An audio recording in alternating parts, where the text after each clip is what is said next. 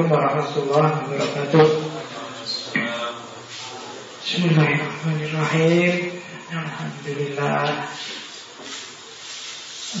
Wassalamu ala rasulullah Wa alihi wa ashabihi wa Alhamdulillah kita sudah sampai pada pertemuan ke Tujuh ya Tujuh ya, tujuh ini ya Iyalah, tujuh atau enam saya lupa Kalau di catatan saya tujuh Tapi mungkin enam Karena yang satu itu dulu yang minggu pagi itu. Kalau saya tahu tujuh atau delapan. Ah, tema ke-8 ini kita sudah masuk ke bab 2 Kemarin epistemologi itu bab 1 Bab 1 aja 5 minggu ya. Semoga kamu sudah sakti sekarang Di perjuangan belajar di Padepokan itu surat Basuwi sakti. Tapi tidak ada apa-apanya. Saya dulu zaman ke Iran itu ada seorang profesor yang terus tak undang ke UIN itu Dia hanya belajar mula sadra saja. Itu 10 tahun. Satu orang. Tokoh namanya mula sadra Dengan segala kitabnya, segala pemikirannya Itu 10 tahun. Kalian yang cuma undang Pak Sofwan ke sini saat sesi terus merasa ngerti sadra Tapi kalau orang Iran serius Pesan di sana ada kayak pesantren namanya Hausa. Hausa itu Isinya dua versi Ada versi syariah fikih yang nanti melahirkan mujtahid Nanti ada versi tasawuf. Versi filsafat dan tasawuf Biasanya versi filsafat ketika puncak nanti lahirnya tasawuf. Maka para tokoh-tokoh filsafat Islam Iran seperti Imam Humayni, Mutahari itu pasti tidak jauh-jauh dari tasawuf ketika ilmunya sudah memuncak. Kalau di sana namanya irfan Jadi Cuma yang jalur fikih ini nanti melahirkan mujtahid Ada dua jalur. Dan itu paling cepat orang bisa mulai punya gelar. Sana ada gelarnya kalau pesantren Ada Hujatul Islam, ada Syaikul Islam Ada banyak gelar. Dan gelar paling rendah itu ditempuh sekitar Kalau dia sudah 25 tahun Di pesantren.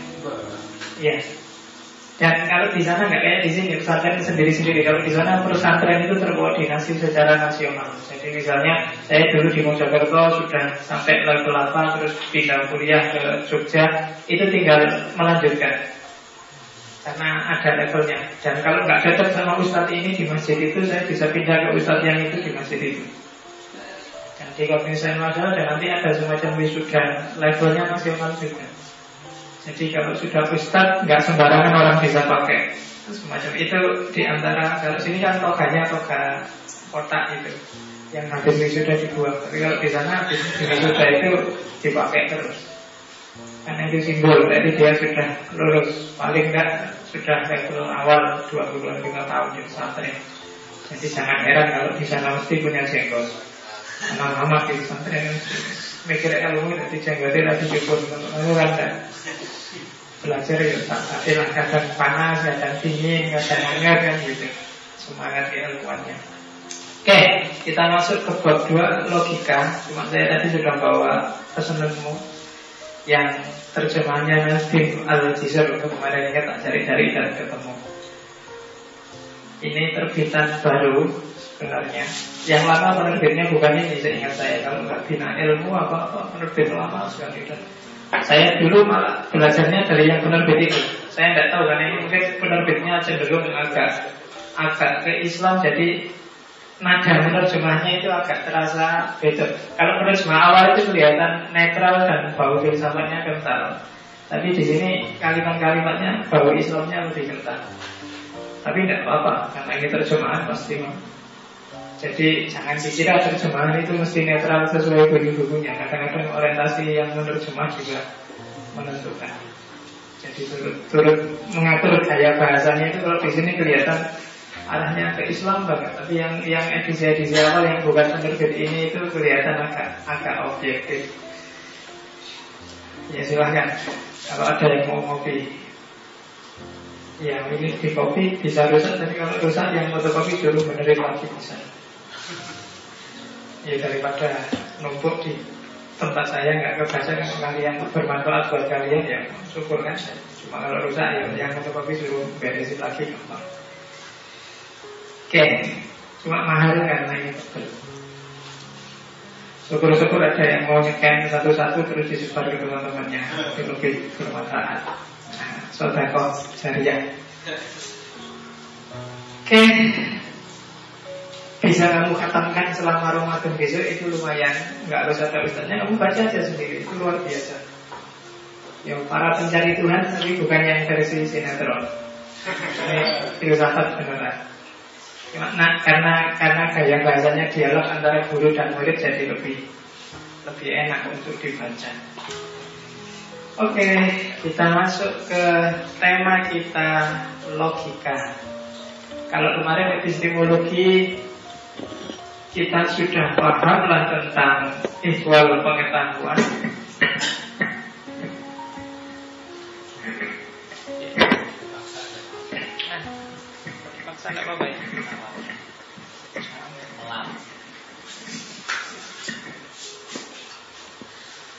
Ininya nggak bisa tegak ya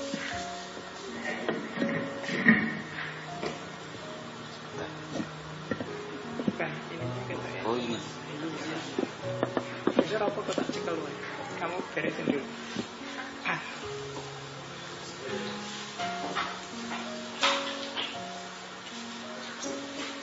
Malah rugi.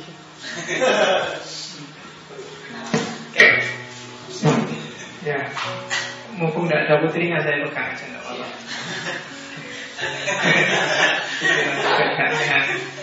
Oke, logika. Kenapa kamu Jangan-jangan kita frekuensi ngerusnya sudah sama.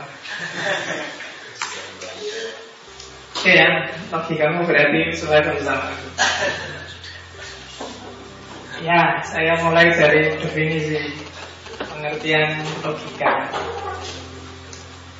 Uh, definisi itu tidak harus kamu perdalam, pokoknya kamu ngerti maunya.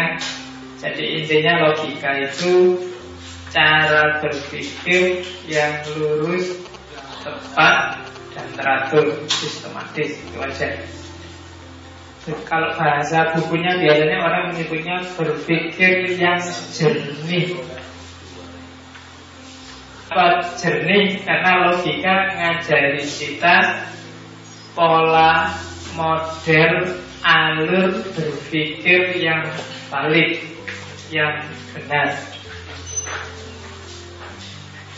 Sebenarnya setiap orang itu sudah secara fitrah secara sunatullah dikasih oleh Allah kemampuan untuk berpikir. Tidak perlu kamu kuliah filsafat, kamu sudah bisa bermain logika. Cuma gunanya kamu belajar logika adalah kadang-kadang ada banyak hal di sekelilingmu banyak peristiwa dalam hidupmu yang bikin caramu berpikir itu jadi tidak jernih tidak lurus lagi, tidak tepat lagi. Kadang-kadang belok-belok dikit harusnya lurus, tapi kadang-kadang karena sesuatu terus jadi belok. Karena akal itu mudah sekali belok dan mudah sekali dibelokkan. Itu yang dikritik oleh Ghazali dalam Al-Mungkit Minat Ghazali. Kalau indera itu gampang tertipu Kalau akal itu gampang termanipulasi Gampang deviasi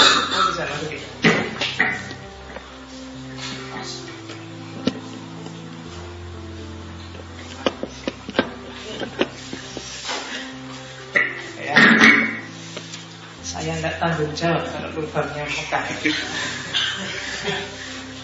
kalau bukan tempatnya yang kadang-kadang jadi masalah. Oke, jadi logika arahnya adalah gimana cara berpikir kita yang lurus. Itu aja.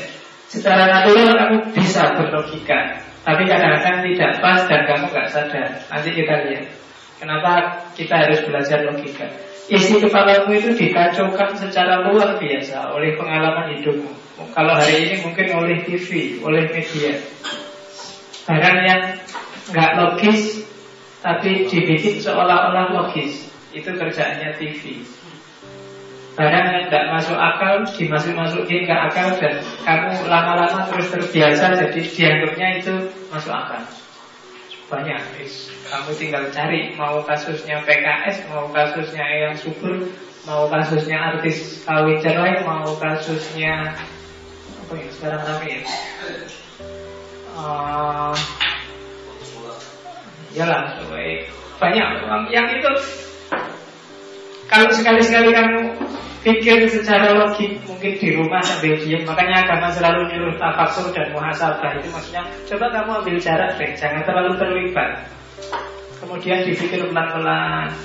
Kok bisa ya? Yang namanya PKS tiba-tiba kok tahlilan itu dari mana itu jadi kan susah. Tapi kamu dibikin dan ketika orang orangnya diwawancara juga kamu dipaksa untuk bisa menerima bahwa emangnya kenapa kalau PKS tadi bilang kan nah, terus terus gitu terus kamu punya ya.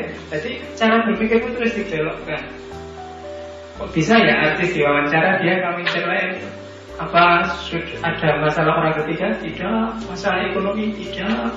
Kita masih bersama kok kita masih saling support kok kita masih lo terus mau pokok gata ditanya ada masalah nggak ada orang ketiga nggak ada.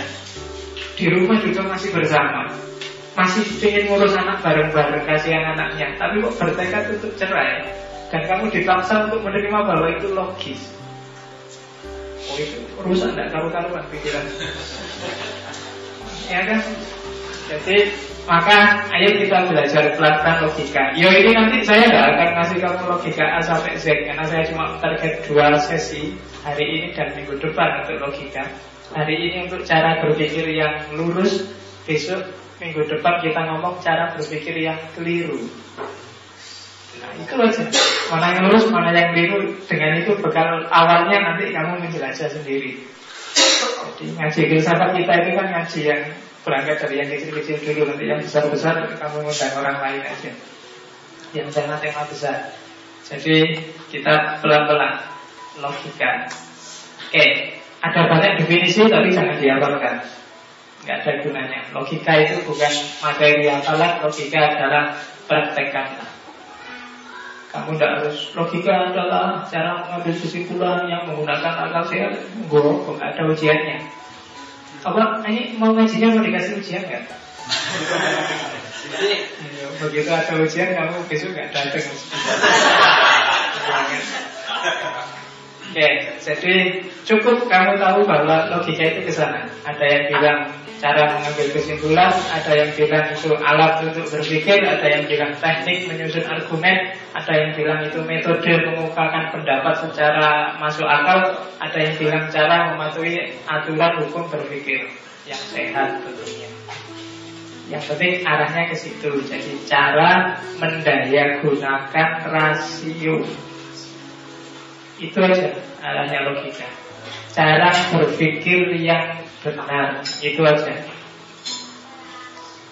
Banyak dari kita yang tidak paham ini dan jangan salah ini sangat Islami.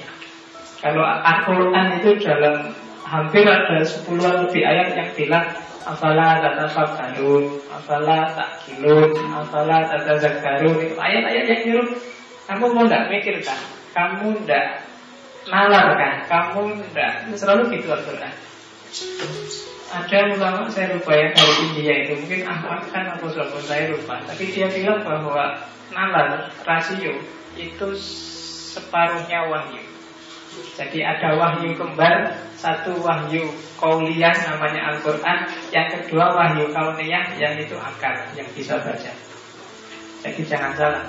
Dalam Islam berpikir pakai akal itu setengahnya wahyu. Jadi kalau ada orang apa kelompok yang tidak setuju pakai akal, dia sebenarnya sedang membuang setengahnya wahyu. Jadi Islamnya juga setengah. Iya kan? ayat-ayat Allah itu kan nggak cuma yang kauliah, tapi ada juga yang kauniyah, realitas. Itu juga ayat. Dan kita harus punya alat untuk membaca ayat itu. Kalau ayat yang teks ya alatnya bahasa Arab lah, bahasa pakai bola, pakai macam-macam. Tapi yang kauniyah ini kan sains. Antara lain titik utamanya adalah logika. Jadi jangan salah, ini Islami. Makanya logika itu diajarkan di pesantren-pesantren dulu namanya mantek, itu logika. Meskipun ada yang tidak setuju barang siapa yang bermantek maka dia sindi kata yang bilang gitu.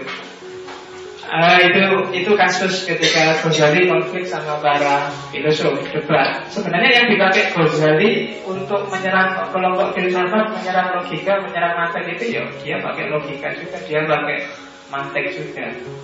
Jadi jangan salah. Nanti kalau ada sesi filsafat Islam kita coba bahas itu untuk menunjukkan bahwa sebenarnya Ghazali dan para filosof Islam itu tidak kegeran, cuma ngomong di level yang berbeda.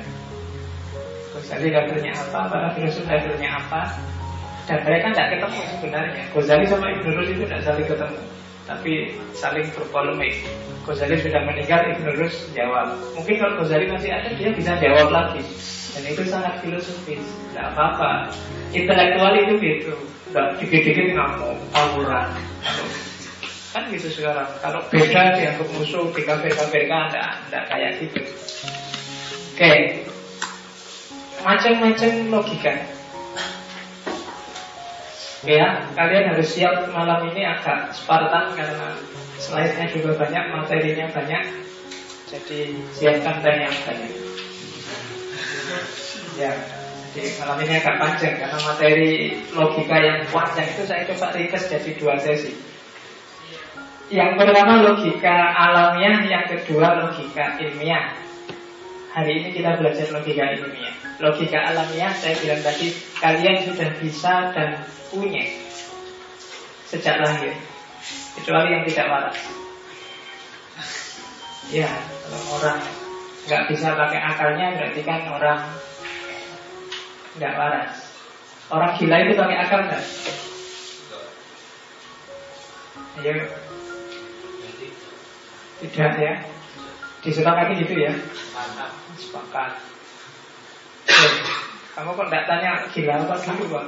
Ada yang gila perempuan, ada yang gila harta, ada yang gila beneran.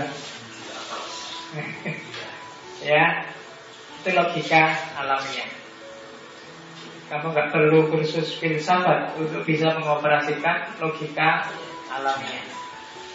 Anak kecil itu otomatis ngerti apa? Hal-hal yang logis sebab akibat mana lebih besar mana lebih kecil mana lebih panjang mana lebih pendek itu kan natural aja. Kamu nggak perlu belajar. Nggak perlu ngerti matematika bahwa semeter itu lebih panjang daripada setengah meter. Itu biasa aja. Bakul di pasar itu nggak pernah kuliah matematika nggak pernah belajar matematika tapi kalau itu cepet itu logika natural kalau dia kamu terus, eh Pak sampai ngitung bisa secanggih itu kira-kira kalau dirumuskan pakai matematika rumusnya gimana? Dia masih tidak ngerti. Mana akar, mana pangkat, mana kuadrat, bingung deh. Tapi kalau bisa, wah, kalau kamu beli sekian, untungnya sekian, malah bisa deh. Alamnya, logika alamnya. Ada logika ilmiah. Nah ini sebenarnya logika alamiah itu akan berkembang dan lama-lama problem hidup semakin kompleks, semakin rumit, maka orang terus butuh logika ilmiah. Logika yang sederhana saja susah. Perlu nalar-nalar yang lebih rigid, lebih jelimet, lebih panjang. Kalau enggak kamu akan banyak tertipu. Kayak MLM. ya kan? Ayo dihitung secara ilmiah, jangan alamiah aja. Wah kalau kamu setor sekian nanti dapat sekian, setelah dapat sekian. Nah itu alamiahnya ngomong. Tapi coba secara ilmiah, kamu itu apa yang pas, apa yang benar kayak gitu. Tapi kalau berlain ulari gimana? Kalau nggak dapat anak buah gimana? Wah itu ilmiah sudah perhitungannya sampai jauh begitu. Itu logika ilmiah. Jadi tujuannya apa sih? Biar kamu nggak sesat. Biar kamu nggak keliru berpikir dan membahayakan hidupmu. Biar kamu perhitungan. Oh, kalau saya lewat ini Nah, lewat jembatan misalnya bobotku berapa, jembatan ini kuatnya berapa, aku bisa. Nah, itu logika ilmiah bisa sesat. Tapi kalau eh logika alamiah bisa sesat. Tapi kalau ilmiah mau bisa ngitung. Bobotku 60, jembatan itu kapasitasnya sekian, maka wah, itu ilmiah. Tapi kalau alamiah kan dikira-kira Sorayo, Sorayo Bisa enggak, eh nekat aja Ah itu alamiah Kalau nasib aman ya aman, kalau enggak ya enggak Jenisnya logika itu Jadi Kenali jenis logika yang dua ini. Orang ini pakai logika ilmiah apa pakai logika alamnya? Logika alamnya itu biasanya diawali dengan kata-kata biasanya. Alamiah. Biasanya sih mau, nggak tahu pak itu logika alamiah biasa. Tapi kalau ilmiah ada pertimbangan-pertimbangannya. Biasanya sih yang dipoling-poling tinggi itu besok waktu pemilu juga tinggi biasanya. Tapi coba dihitung secara ilmiah masa gitu. Jangan-jangan polling-polling itu ada kepentingan, jangan-jangan ada permainan, jangan-jangan ada rekayasa itu sudah ilmiah menghitungnya. Itu macam-macam logika. Kita masuk ke prinsip paling dasar dalam berpikir. Kalau ini kalian nggak dapat, jangan melangkah ke logika yang lebih rumit. Ini yang merumuskan ada Aristoteles, ada Leibniz, ada Mill. Kalau Aristoteles cuma tiga, satu, dua, tiga itu yang keempat Leibniz dan Mill. George Stuart Mill. Lupakan nama-nama itu kita masuk ke prinsip-prinsipnya. Yang pertama prinsip paling simple Prinsip identitas A sama dengan A Kalau A, ya A saya manusia. Manusia itu berpikir. Saya berpikir A adalah A. Kamu NU atau Muhammadiyah? Saya NU. Berarti kamu pun ya. Itu prinsip identitas. Simple. Kalau yang gini aja kamu nggak paham, jangan masuk pelajaran logika selanjutnya. Prinsip identitas. Kamu Demokrat atau PKB? Kalau Demokrat ngapain, kalau PKB ngapain? Itu prinsip identitas. Kamu mahasiswa atau siswa? Kalau siswa itu kayak gimana? Kalau mahasiswa itu kayak gimana? Harus jelas A sama dengan A. Itu penting. Banyak orang meskipun ini dasar paling dasar dari logika Dalam prakteknya susah loh Orang mempraktekkan A sama dengan A itu. Karena orang nggak bisa menjabatkan A-nya sendiri itu apa. Mengaji kayak gini ini konteksnya kamu sebagai mahasiswa apa kamu sebagai manusia apa kamu sebagai anak muda apa kamu sebagai aktivis masjid apa kamu sebagai apa? Lu itu jelas Itu prinsip identitas Kalau enggak nanti kacau Jangan-jangan ini sekedar meramaikan masjid ada apa? Ngerti nggak? Ngerti juga tidak apa-apa ya masjidnya ramai kan? Oh apa yang Apa berarti identitas ngaji filsafat malam ini adalah hanya meramaikan masjid atau pencerahan atau sekedar tahu atau nambah wawasan. Itu harus jelas. Itu prinsip identitas awas keliru ya seperti tak contohkan tadi. Kalau PKS itu haluan keislamannya apa sih? Opo lurus kalau dia tiba-tiba tahlilan di arah kubur tiba-tiba sekarang gencar kayak gitu kelompok PKS kalau enggak berarti dia keliru. Kenapa? Menyalahi prinsip identitas. Untuk bisa melangkah berpikir dalam kondisi apa pun kamu harus jelas di prinsip identitas di rumah kamu harus jelas kamu anak atau adik atau kakak atau bapak. Kalau nggak jelas bisa rusak. Saya anak atau bapak ya? Nah itu kacau ya. Nanti malam kamu masuk kamarnya ibumu Padahal kamu anak. Anak tidur sendiri itu jatahnya bapak. Itu kan prinsip identitas. Aku ini cuma teman apa sudah pacar sih? Ayo, itu kan, kalau nggak jelas susah dong. Kamu merasa pacar tiap hari apel, tiap hari SMS, kamu sudah GM ternyata enggak. Kamu cuma teman biasa aja. Oh itu kan karena kamu nggak memperjelas prinsip identitas sih. Jadi ayo diperjelas prinsip identitas A sama dengan A. Itu berpikir paling simpel kayak gitu. Yang kedua prinsip kontradiksi Itu lawannya Kalau prinsip identitas itu A sama dengan A Kalau prinsip kontradiksi A tidak sama dengan B. Kalau bapak berarti bukan anak. Kalau besar berarti tidak kecil. Kalau merah berarti tidak putih. Itu prinsip kontradiksi. Kalau sudah jelas bahwa kamu Wahabi berarti kamu anti tahlil. Itu prinsip kontradiksi. Logika yang paling simpel. Kadang-kadang kan ngaco itu kan. Gara-gara politik, gara-gara budaya, gara-gara itu terus identitasmu hancur tidak karu-karuan, tidak boleh. Kamu Islam berarti kamu bukan Kristen Meskipun kamu toleran sama orang Kristen. Tapi harus jelas, harus tegas bahwa kamu tidak sama dengan Kristen Kamu tidak sama dengan Hindu kamu tidak sama dengan Buddha. Itu prinsip kontradiksi. Kamu mahasiswa berarti kamu bukan siswa. Itu hukum paling dasar. Jadi pertama prinsip identitas Yang kedua prinsip kontradiksi. Yang ketiga prinsip excluded middle. Prinsip tidak ada jalan tengah. Ada jalan tengah itu berarti absurd Dan jelas saya Pak tidak NU dan tidak Muhammadiyah. Nah, Itu kacau guys Ya ada. Kecuali kamu, dan terus apa? Tapi saya Salafi Pak. Boleh ya. Berarti kamu Salafi. Prinsip identitasnya kamu adalah Salafi Tapi bukan tidak A dan tidak B. Kalau tidak A dan tidak B itu tidak jelas. Excluded middle Jadi jalan tengah Itu tidak masuk akal. Non-blok itu berarti apa? Blok tersendiri saya tidak barat dan tidak timur Berarti kamu blok baru. Berarti ada tiga blok sekarang Kemarin ada dua bloknya Blok barat, blok timur. Sekarang ada tiga blok tengah-tengah. Kan gitu. Jadi bukan blok yang gak jelas. Mu'tazilah dulu punya ideologi al-manzilah itu baik al-manzilatain tempat di antara dua tempat.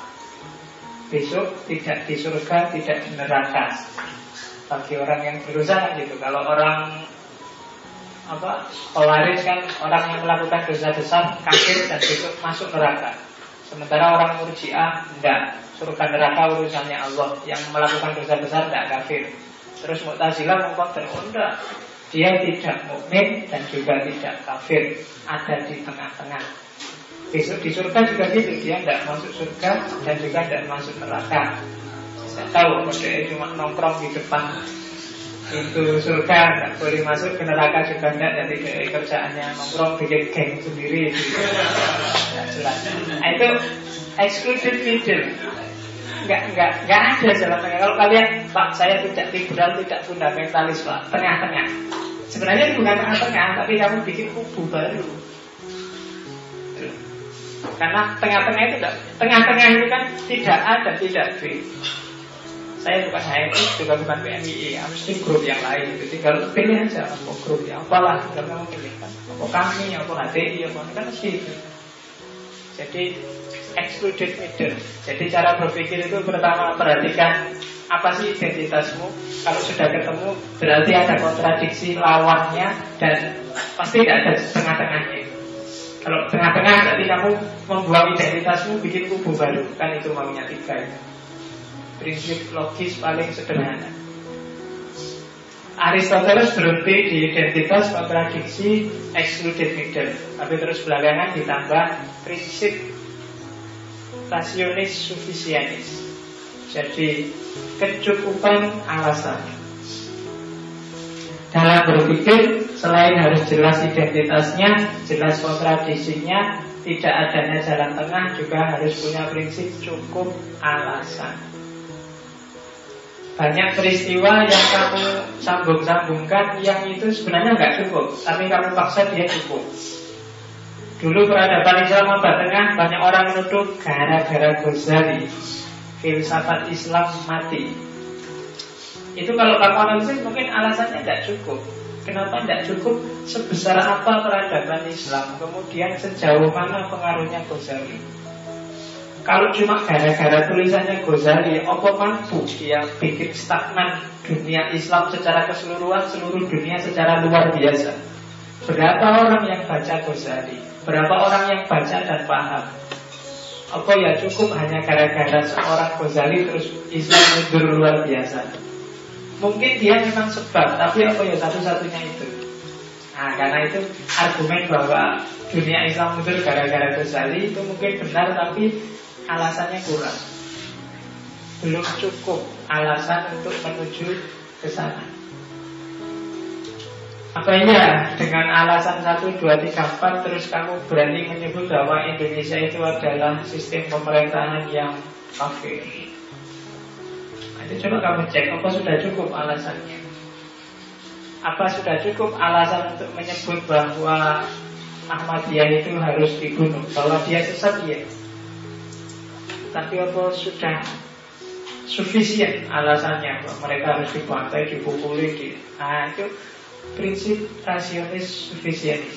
Jadi tidak cukup hanya ada alasannya, tapi apakah alasan ini cukup? Nah, itu penting dalam logika. Tidak cukup bahwa apa ya contoh yang yang kamu hidup sehari-hari yang apa ya alasannya sudah itu. Kamu nggak pernah masuk kuliah, terus kamu ketemu dosennya datang ke rumahnya sambil bawa salak 5 kilo. Apa ya cukup salah 5 kilo itu untuk ganti kamu bolos selama 12 kali pertemuan dan tidak nilai A Ayo. Kira-kira apa ya cukup? Ya kalau kurang ya nambah 15 kilo. Oke. Ya. Hasilnya sufisien itu pada masuk akal ya masa gitu, gitu. ya kayak dulu loh waktu Fatona sama siapa Maharani ketangkep itu kan terus Enggak kok ini cuma tanda buat kenalan jadi temen dikasih uang 10 juta. Oh iya masuk akal ya alasannya. 10 juta hanya kenalan sama temen untuk nongkrong di hotel. Ah, belakangan baru ketahui, oh iya itu bukan cuma nongkrong. Nongkrong ini. ya kan?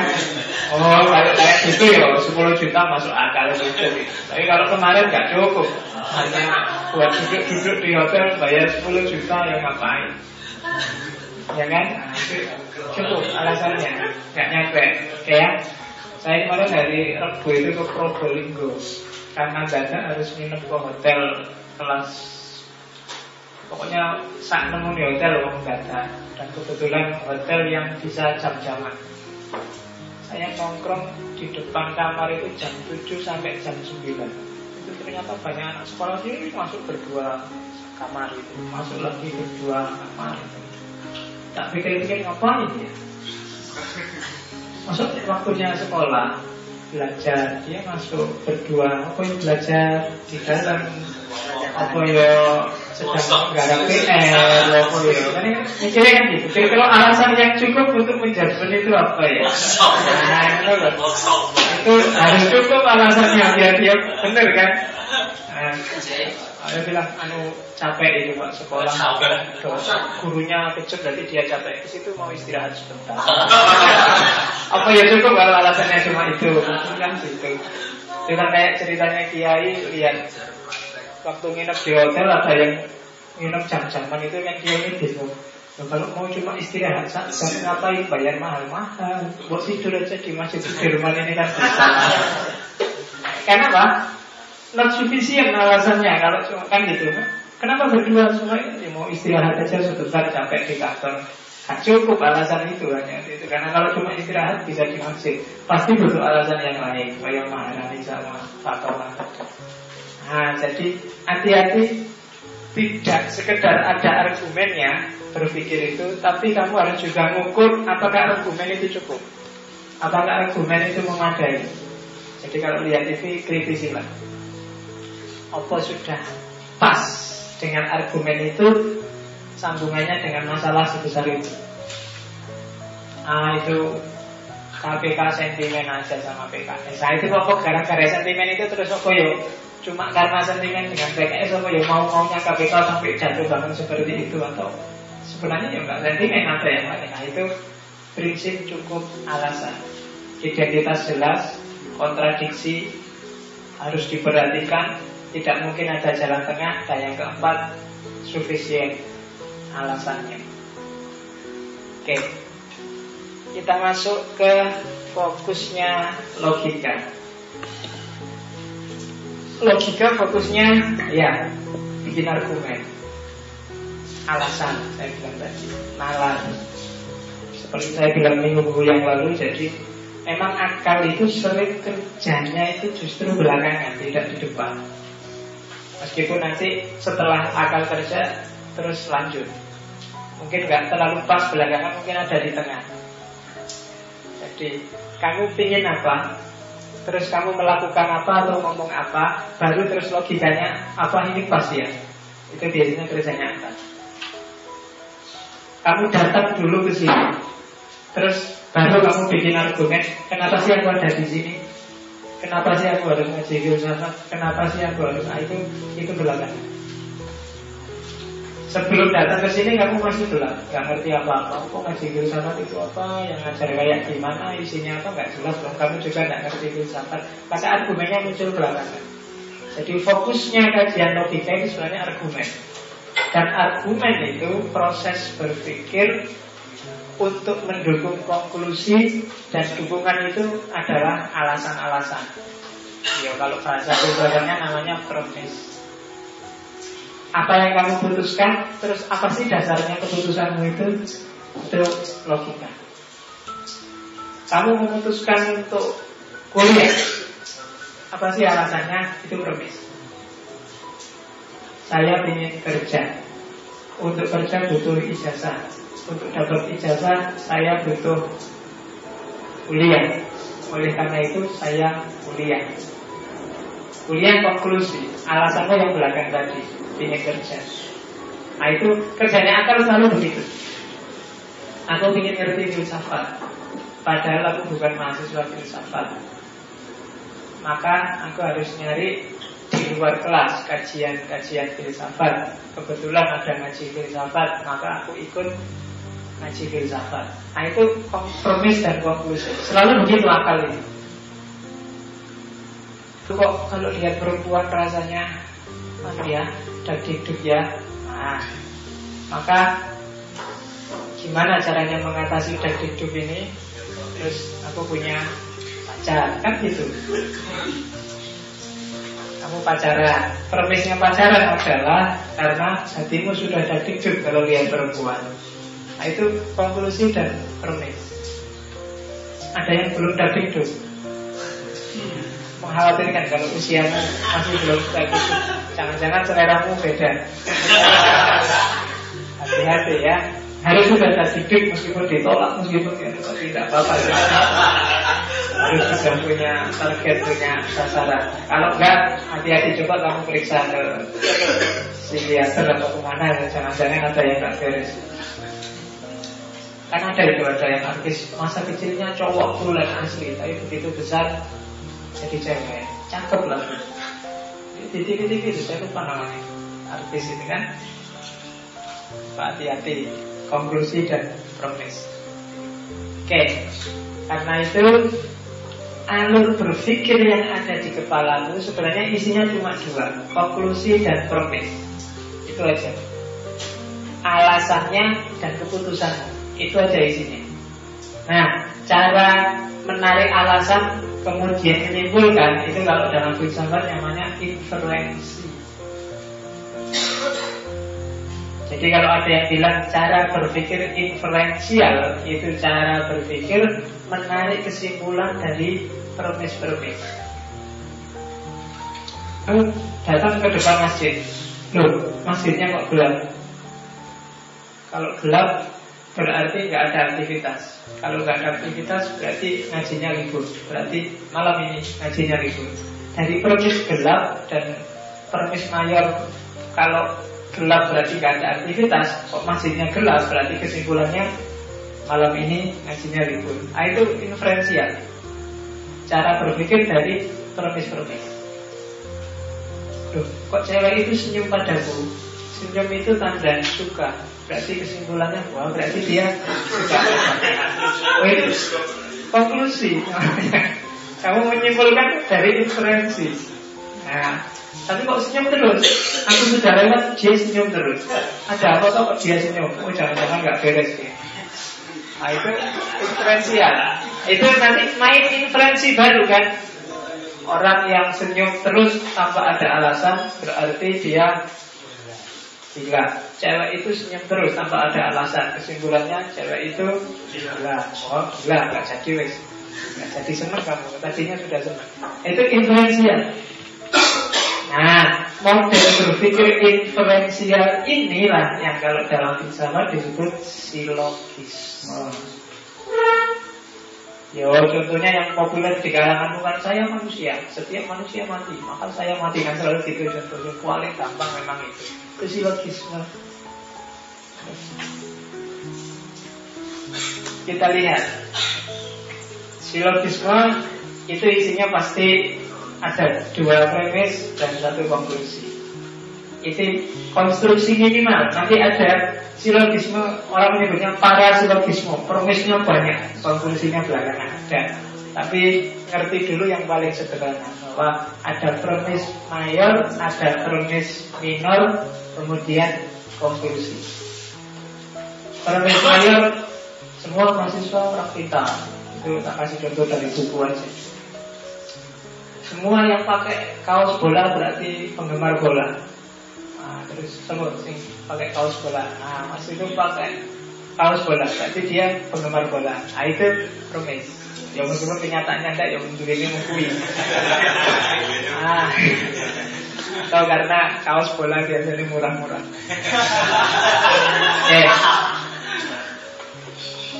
Jadi itu contoh promes mayor, promes minor dan konklusi. Ini bentuk paling sederhananya. Kita lihat ada jelimetnya. Ini ini ada aspek jelimetnya juga. Silogisme bisa valid, bisa invalid. Valid invalid berarti yang diomongkan adalah alur dan variabel penalarannya. Tapi ada kalanya benar atau salah. Kalau menilai silogisme, ketika saya ngomong menilai benar salahnya, berarti yang saya nilai adalah ketepatan permisnya, entah mayor entah minor. Karena kadang-kadang ada permis mayornya keliru, maka kesimpulannya jadi keliru. Atau alur penalarannya nggak pas, ada level yang berbeda, itu berarti invalid namanya. Contohnya ini, ini yang yang salah, yang invalid, yang permis mayornya salah. Misalnya permis mayor, orang Kristen itu biasanya lebih lucu. Nah, terus Lukman rambutnya lurus, Ain rambutnya kritik. Kesimpulannya berarti Ain lebih lucu dari Lukman.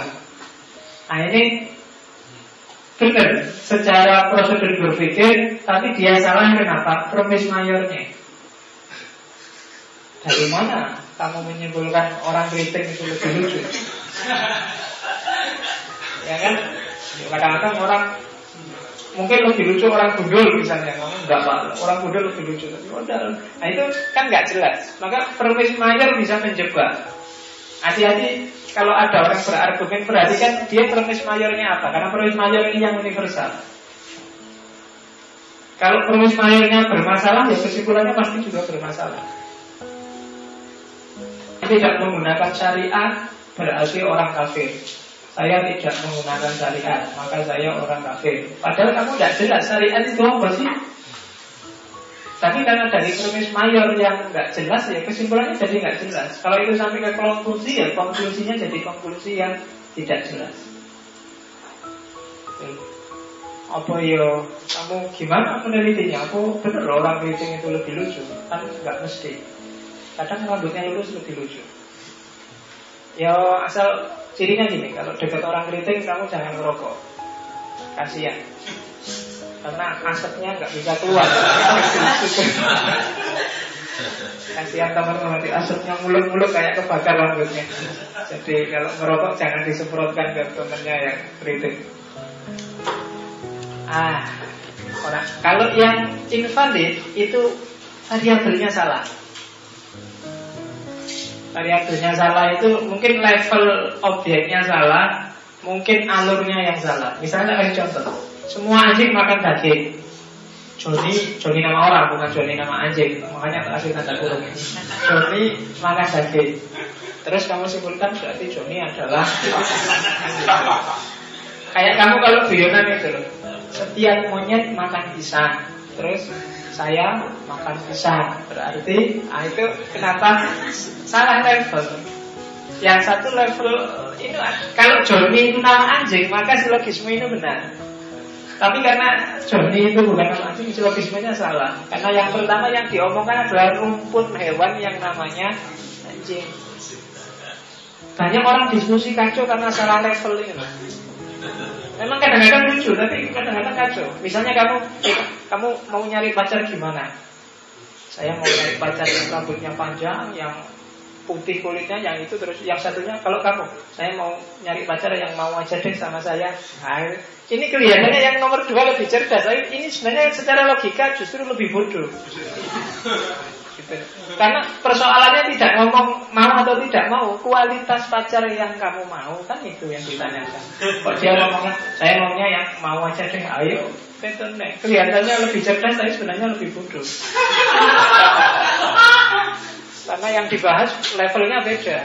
Nah itu kalau silogisme itu jadi silogisme invalid, keliru. Itu kayak yang satu ngomong ke utara, dia ngomong ke selatan. Ya memang lucu, tapi menunjukkan bahwa yang diajak ngomong itu rodo. Ya. Agak jerapah kayak kalau minggu lalu. Antara otaknya sama anunya jauh. Oke. Ini prinsip selanjutnya. Setiap term yang ada di kesimpulan harus sudah ada di permis mayor dan permis minor nggak boleh ada term baru dalam konklusi. Kalau ada berarti itu tambahan dan berarti salah. Cara berpikirnya keliru. Yaitu kan semua penyanyi dangdut itu menarik. Inul adalah penyanyi dangdut. Kalau kesimpulannya Inul adalah menarik, berarti benar. Tapi kalau tiba-tiba kok masuk Oma Irama, itu berarti keliru. Dari mana datangnya Oma Irama? Minornya ngomong Inul kok. Berarti apa? Omerama itu variabel yang tiba-tiba dimunculkan di konklusi. Nah itu berarti nggak masuk akal. Jadi kalau kamu diskusi apa saja perhatikan mayornya apa, minornya apa. Kadang-kadang orang bermain trik di kesimpulan dimasukkan variabel yang semua nggak ada. Dan kamu nggak sadar itu namanya sama-sama dangdutnya kok. Oma Irama juga menarik dan juga mendorong. Oke, nah, yang pertama itu logis, tapi kalau yang kedua nggak logis. Hati-hati dengan variabel yang muncul tiba-tiba dalam konklusi. Nanti kalau kamu lihat debat, itu kadang-kadang ketika orang kalah debat, tiba-tiba dimasukkan variabel baru. Gitu. Ketika sudah jelas salahnya, terus dia masuk variabel baru. Kayak, loh, ngapain sih kok kamu mau goyang kayak gitu? Loh, urusannya apa? Ngapain urusin saya? Goyang saya?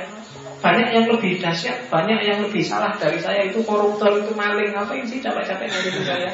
Lo itu out of context, nambah variabel baru. Wong ini konteksnya goyang kok tiba-tiba ngomong korupsi. Nah, itu berarti memunculkan variabel baru. Mesti cara berpikir ini salah secara silogis. Dan kamu sering tertipu dengan itu. Kok ngejar-ngejar PKS terus? Senturi itu loh. Lo ini konteksnya lagi ngomong tentang korupsi daging sapi sendiri ya nanti dibahas tapi tidak dalam konteks diskusi ini. Kalau tiba-tiba variabel itu dimasukkan ya diskusi ini sudah tidak karu-karuan. Itu gunanya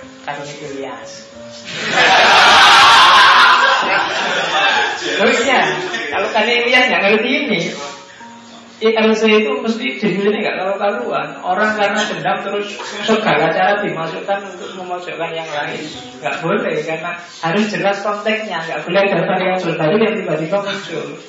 Kalau ada bisa rusak cara berpikirnya. Diskusinya mesti ngalor itu. Kalau kalian jadi moderator perhatikan ini. Karena kadang-kadang ada orang ngomongnya out of context harus kamu masukkan lagi. Oke okay, itu benar bahwa Mairama itu menarik tapi konteks diskusi kita hari ini adalah imun gitu. Nah itu patokan pertama. Patokan kedua kalau permis salah satu permisnya universal dan permis yang lain partikular konklusinya harus partikular. Nggak boleh universal Contohnya semua mahasiswa adalah orang yang pintar, orang yang rajin. Itu tak kasih contoh. Tommy mahasiswaku. Kesimpulannya harus partikular. Tommy adalah orang yang rajin. tidak boleh universal. Tidak boleh habis ngomong oknum terus ngomong institusi besar. Itu mesti kacau nanti. Kalau sudah mengkerucut pada oknum, ya bahasanya harus ke oknum. Kalau sudah sosoknya misalnya LHI tidak ada hubungannya dengan PKS, dia sosok tersendiri urusan LHI sendiri, PKS sendiri, yuk LHI berarti fokusnya. Jangan disangkutkan ke besar, kecuali provinsinya diganti. Jadi perhatikan aspek universal dan partikular. Pokoknya kalau ada satu universal, satu partikular, kesimpulannya harus partikular. Bisa dibalik.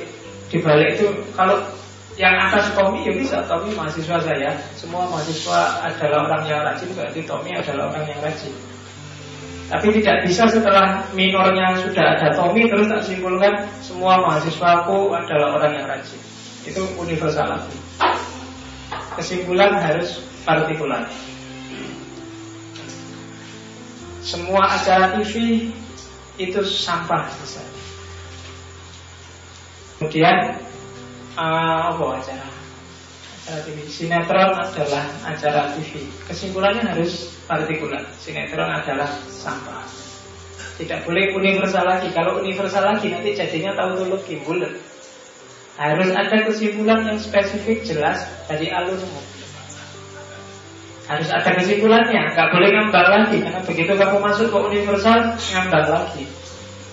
Harus jelas yang besar itu PKS-nya, yang kecil itu LHI-nya, yang besar itu Demokratnya, yang kecil itu Anasnya itu harus jelas. Ketika kamu campur itu mesti bulat. Kapan ini ngomong di level Anas atau ngomong di level Demokrat atau jangan-jangan ngomong di level Indonesia. Kalau ada besar dan kecil berarti itu mengkerucut Arahnya ke yang partikular Bukan ke yang besar Itu silogisme Aturan kedua Kalau dua-duanya universal Maka berarti baru kesimpulannya boleh universal. Semua muslim cinta damai Bukan universal. Dan semua takmir masjid adalah muslim. Apa ini yang takmir masjid kok tidak Islam? Enggak. Berarti kan itu kan universal juga. Sifatnya di mana pun takmir masjid. Nah kesimpulannya juga harus universal. Nggak boleh tiba-tiba muncul partikular berarti semua takmir masjid itu cinta damai. Tidak boleh ujuk-ujuk merujuk satu oknum dari takmir masjid. Terlalu sempit. Karena apa? Minornya aja sudah universal. Semua orang apa ya semua mahasiswa suka demo misalnya. Apalagi universal yang kedua semua pendemo UIN adalah mahasiswa yang nggak lulus lulus nah, konklusinya juga harus universal nggak boleh berarti konklusinya juga semua mahasiswa UIN yang suka demo itu sudah lulus-lulus kan itu. Jadi dari dua premis universal konklusinya harus universal. Kamu boleh cari contoh yang banyak nanti kita bahas. Yang selanjutnya jika premisnya ada yang positif dan negatif, salah satunya kesimpulannya harus negatif. Misalnya semua anggota DPR tidak setuju BBM naik. Itu kan berarti negatif yang di situ. Joni adalah anggota DPR, maka kesimpulannya Joni tidak setuju BBM naik. Atau dibalik, semua anggota DPR setuju BBM naik, Joni bukan anggota DPR. Bulannya apa? Joni setuju BBM naik. Kan gitu. Jadi kita lihat modusnya ada yang perlu kamu cermati. Jadi pokoknya kalau ada premis positif dan negatif, kesimpulannya harus negatif. Jangan salah. Alur berpikir. Contohnya panjang. Terus tidak bisa disimpulkan kalau premis itu dua-duanya negatif. Susah. Karena serba tidak itu berarti tidak bisa membuat konstitusi pernyataan baru. Dia tidak bisa disimpulkan. Semua anggota PKI bukan warga negara yang baik. Saya bukan anggota PKI. eh saya bukan anggota warga negara yang baik. Tapi kan tidak bisa disimpulkan terus saya anggota PKI. Karena dua-duanya negatif. Bisa jadi saya bukan anggota warga negara yang baik, tapi saya juga bukan PKI. Dua-duanya negatif. Semua takmir masjid bukan mahasiswa yang rajin. Saya bukan mahasiswa yang rajin, maka saya takmir masjid. Jadi gitu. Tidak logis. Jadi tidak bisa disimpulkan kalau dua-duanya negatif. Jadi kalau kamu tidak, dia juga tidak, ya oh tidak mungkin jadi. Tapi kalau kamu kayak ini tadi, kalau kamu ya, dia tidak, masih kesimpulannya pasti tidak. Iya kan? Kamu nembak, dia nggak setuju, kesimpulannya tidak. Kamu nggak nembak, dia setuju, kesimpulannya juga tidak. Jadi kalau satu ya, satu tidak, hasilnya mesti tidak. Tapi kalau dua-duanya tidak, sang soyo disimpulkan aja nggak bisa, nggak ada urusan. Kamu juga nggak, dia nggak, kan berarti nggak ada cerita apa-apa. Nggak bisa disimpulkan, nggak bisa ditarik konklusi. Kalau ini bisa ditarik konklusi, cuma konklusinya mesti tidak. Kalau universal sama universal, ya berarti universal juga kesimpulannya. Oke, dari dua kalau tadi sama-sama negatif, ini sama-sama partikular juga tidak bisa ditarik konklusi yang valid. Misalnya permis mayornya yang subur adalah paranormal. Permis minornya yang subur punya istri sembilan. Gak bisa disimpulkan paranormal itu punya istri banyak mesti. Gak bisa karena ada paranormal yang istrinya cuma satu, tidak banyak. Kenapa? Yang subur paranormal itu partikular, yang subur punya istri sembilan itu partikular juga. Dua hal yang partikular nggak bisa ditarik konklusi. Saya suka telur goreng. Saya juga suka tempe goreng. Itu kan sama-sama ya, sama-sama partikular. Kesimpulannya, yo saya suka telur dan nanu goreng nggak bisa digabung. Nggak bisa dikonklusikan apa-apa. Konklusi itu kan dari permis mayor digabung sama permis minor. Oke, sekarang kita lihat. Saya agak cepat mengingat waktu masih panjang anunya ya. Model, nanti kita lihat sampai sejauh mana kita bisa ngomong model berpikir. Model pertama adalah model berpikir logis yang namanya deduksi dari umum ke khusus Berarti apa? Deduksi ini sangat tergantung pada permis mayor yang sifatnya umum. Kuncinya.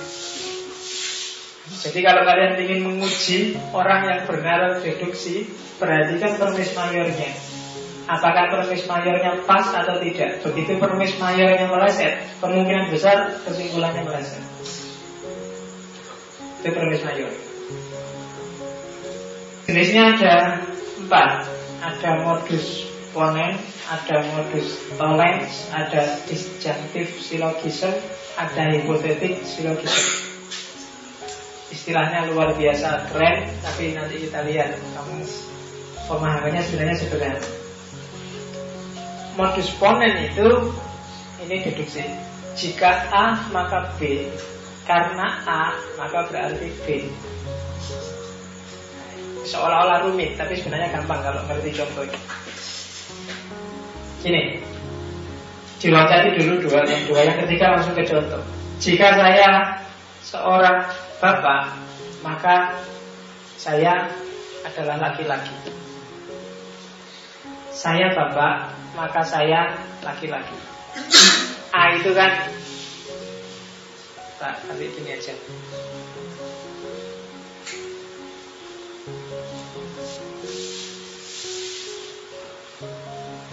ini kan bapak, yang B ini laki-laki.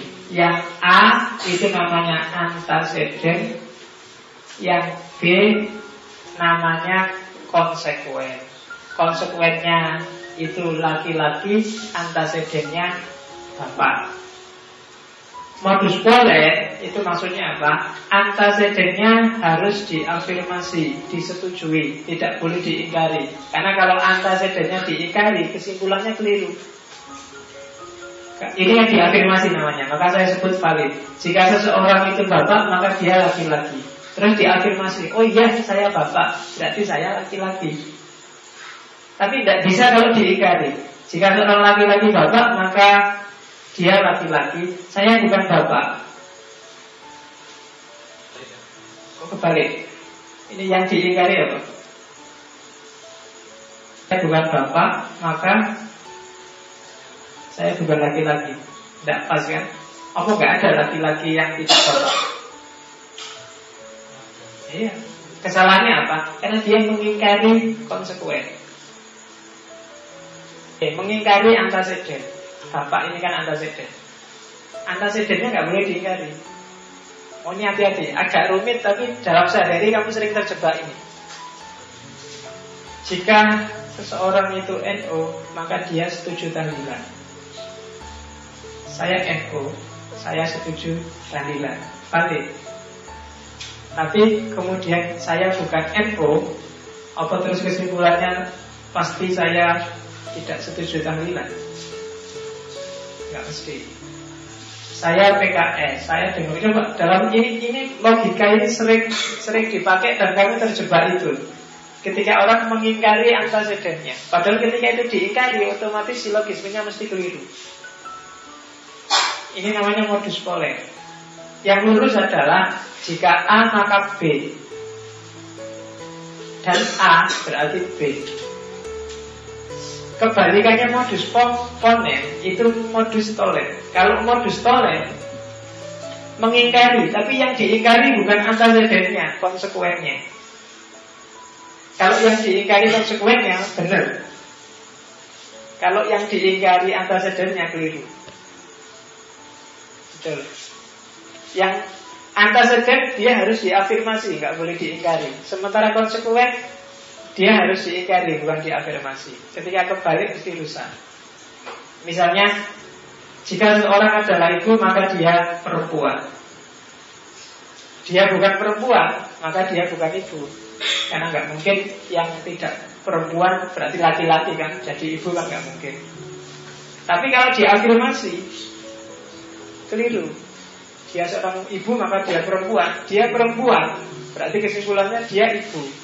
Salah. Karena nggak mesti perempuan itu jadi ibu. Perempuan ibu kan kalau dia punya anak dan punya suami. Nah, ini namanya modus tolen. Jadi modus ponen itu mengafirmasi antecedent, modus tolen itu mengingkari konsekuen. Perhatikan ketika orang ngomong jika maka. Jika Demokrat dapat sekian maka dia menang. Terus perhatikan minornya setelah itu. Itu menentukan apakah dia mengafirmasi antecedennya atau justru mengingkari. Ketika dia mengingkari berarti logika itu mesti keliru. Kebalikannya, konsekuennya harus diingkari dalam alur logik selanjutnya. Kalau diafirmasi mesti keliru. Itu coba kamu bisa bikin seribu satu contoh. Nanti alur alurnya akan seperti ini. Itu Pola kedua, pola yang pertama modus ponen, yang kedua modus tolek. Yus sambil pulang setelah kamu ngopi ini coba bikin rengengan contoh yang banyak. Cari macam-macam kasus. Oke, nanti kalau saya yang nyari di sini kesuwen waktunya. Nah, ini terus jenis ketiga dari deduksi adalah silogisme hipotetis. Ini sama, jika maka tapi alurnya linier. Jika A maka B, jika B maka C, berarti kesimpulannya jika A maka C. Jika kamu belajar yang rajin, maka kamu akan lulus. Jika kamu lulus, maka kamu akan senang. Dengan demikian, jika kamu rajin, maka kamu akan senang. Jika kamu punya pacar, maka kamu akan tenang. Jika kamu tenang, maka studimu lancar. Dengan demikian punya pacar berarti studimu lancar. Nah itu hipotesis silogisme. Nah, cara berpikirnya gitu. Jika kamu nyontek maka nilaimu akan bagus. Jika nilaimu bagus orang tuamu senang. Berarti jika kamu nyontek orang tuamu senang. itu silogisme hipotesis. Jika kamu tidak mandi teman-temanmu menjauh. Jika teman-temanmu menjauh, hidupmu tenang. Maka kalau kamu tidak mandi, hidupmu tenang. itu hipotesis silogisme. Itu kamu bisa bikin contoh lah itu. Nalar silogisme hipotesis. Nanti kita lihat kenapa sih hipotesis karena memang sifatnya hipotesis tidak pasti apa iya Nah nanti kita lihat apa iya itu di nalar jenis ketiga yang memang khusus membahas asumsi-asumsi hipotetis. Yang keempat disjunctive silogisme. Kalau tadi ngomong jika maka, kalau ini A atau B. Logika atau Ini nak kasih contoh komputer. Karena komputerku lagi rusak. Jadi program komputer ini mungkin kena bug Atau inputnya salah. Saya inputnya salah Kok ternyata inputnya nggak salah masih rusak Berarti memang komputer ini punya bug Jadi logika atau saya kok dapat nilai E ini kalau tidak karena dosennya sentimen, ya karena kerja aku tidak bisa ngerjain soal ujian. Perasaan aku bisa ngerjain soal ujian, berarti dosennya sentimen. Nah, cuma itu aja. Itu namanya disjunctive syllogism. Dia ketawa padaku itu bisa dia senyum di depanku mungkin karena bahasa basi atau mungkin karena dia senang padaku. Tapi perasaan sejak kemarin tak SMS, tak anu nggak respon berarti dia nggak senang. Kesimpulannya ya masa masih. kan gitu. Itu namanya disjunctive syllogism. Cara berpikir milih satu di antara dua alternatif. Dan ini deduksi namanya. Diambil dari pengalaman dari hati.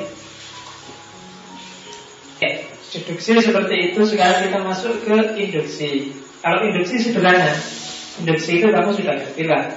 Dari pengetahuan khusus khusus khusus dikumpulkan jadi satu jadilah pengetahuan umum. Itu namanya induksi. Serta ngaji tak lihat yang sana ngantuk yang tengah ngantuk yang sini juga ngantuk maka berarti sekarang semuanya ngantuk Nah itu induksi Pengetahuan bahwa ngaji filsafat itu bikin ngantuk Itu pengetahuan sifatnya induksi Dari pengetahuan yang spesifik Spesifik, spesifik jadi satu Sederhananya begitu. Dan orang itu biasanya kayak gini. Gitu. Kalau orang Jawa menyebutnya ilmu titen. Jadi ilmu titen itu ya titennya aja. Kalau fenomenanya yang pertama gitu, kedua gitu, ketiga gitu. Oke. Duduk jangan duduk di depan pintu waktu maghrib. Karena begitu kamu duduk di sana susah dapat jodoh. Orang Jawa kan itu. Itu mungkin sejenis ilmu tidak Sifatnya induktif. Dulu ada yang duduk di situ gak dapat dapat jodoh. Ada lagi yang duduk gak dapat jodoh lagi. Ada lagi yang duduk Wah terus disimpulkan Wes pokoknya jangan duduk di situ deh. Nanti susah kan gitu. Makanya David Hume itu kemarin yang saya bilang Yang empirisisme itu kan dia sangat anti dengan induksi Karena apa itu begitu. Eh kamu lihat ada burung lewat. Besoknya Kamu Nilainya bagus. Mau ujian burung lewat Nilainya bagus. Kalau nggak ada burung nilainya jelek. Lama-lama kamu simpulkan Ada korelasi antara lewatnya burung sama nilainya bagus. Terus lama-lama oh ya Kan gitu Kalau contohnya David Hume itu Migrasi burung Migrasi burung itu kan di Eropa kalau musim dingin itu burung-burung itu pada bermigrasi jadi lewat. Kebetulan musimnya musim dingin. Musim dingin itu orang cenderung di rumah Jadi terus Banyak wanita hamil. Nah sehingga terus menemukan Begitu banyak burung lewat Mesti nanti banyak wanita hamil seolah-olah sebabnya wanita hamil itu burungnya lewat. Padahal mungkin bukan burung yang sana Oke, nah itu pengetahuan yang sifatnya induksi. Jadi, tapi yo, kamu tidak bisa hidup sebenarnya kalau tidak pakai induksi. Gitu. Dalam banyak hal, kamu kan hidup itu berdasarkan induksi-induksi. Pengalaman yang kemarin kamu simpulkan untuk pengalaman hari ini. Pengalamannya orang kamu ambil untuk pengalaman induksi. Sudah. Yo, dunia ini kan juga induksi dari Allah. Jadi kamu tidak bisa hidup kalau nggak induksi. Meskipun secara logika pertanggungjawabannya banyak orang menyebut lemah, tapi dia salah satu model berpikir. Dari fakta-fakta tiap hari terus kamu simpulkan. Kamu naik bis, hari ini mabuk. Besok naik bis lagi mabuk, besok lagi mabuk. Maka kamu akan menyimpulkan bis itu memang bikin mabuk. Kan gitu. Meskipun mungkin kapan-kapan kamu naik bis nggak mabuk Tapi kan sampai hari ini kamu simpulkan dia bikin mabuk. Itu cara berpikir induktif. Makanya hati-hati kalau jangan-jangan para ulama nanti berfatwa bahwa naik bis itu haram ya kan? Karena setiap yang memabukkan itu haram. Jangan-jangan itu. Padahal kalau di Jawa kamu makan gadung itu juga bikin mabuk. Ya kan? Jangan-jangan kamu simpulkan semua yang banyaknya bikin mabuk sedikitnya juga bikin mabuk. Mabuk cinta berarti pacaran itu haram. Kenapa? Karena bikin mabuk. Bukan urusan pacarannya. Dan setiap yang memabukkan itu haram Oke, mode ketiga namanya eh abduksi. Abduksi kalau Aristoteles menyebutnya apa tuh? Ini yang khas, orang sering bahas. Kamu ngertinya mesti induksi sama deduksi. Abduksi itu untuk membahas fakta yang hipotesis tadi. Jadi silogisme tapi hasilnya bukan kepastian. Kadang-kadang permis mayornya yang tidak pasti Atau kadang-kadang karena permis minornya yang tidak pasti. Kesimpulannya juga jadi tidak pasti. Misalnya setiap kiai itu pakai jubah Bapakku pakai jubah. Terus kamu simpulkan berarti bapakku juga kiai. Nah itu kan susah membantah Tapi iya ya salahnya di mana? Nah itu susah. Setiap yang apa rajin pasti nilainya bagus dan disayangi dosen. Saya rajin, maka nilaiku pasti bagus dan disayangi dosen. Nah, itu kan hipotetis banyak. Kadang-kadang enggak juga, kadang kamu rajin nilaimu jelek. Besar. Cuma kesimpulan ini diambil kenapa? Ya karena yang paling mungkin itu. Jadi abduksi itu definisinya adalah reasoning for the best explanation. Kemungkinan yang paling mungkin terjadi yaitu kalau saya rajin dan disayang dosen, kemungkinan paling bagus adalah kemungkinan yang paling mungkin, kemungkinan yang paling besar itu nilai itu akan bagus. Meskipun nggak mesti juga.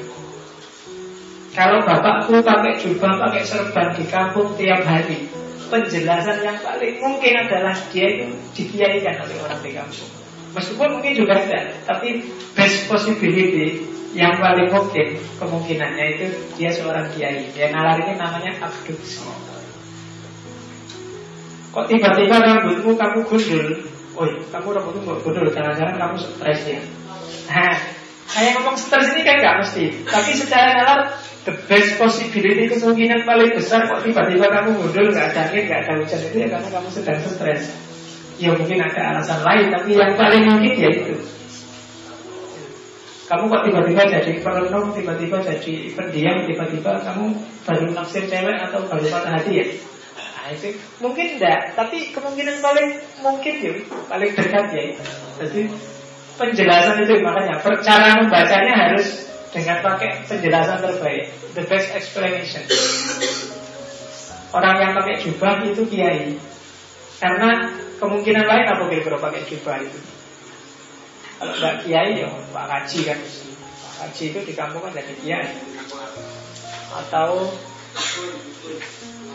Dukun nggak coba Selangkonan Atau itu saya The best explanation itu Termasuk kalau bapakku yang pakai Ya yang besar memang bapakku kiai.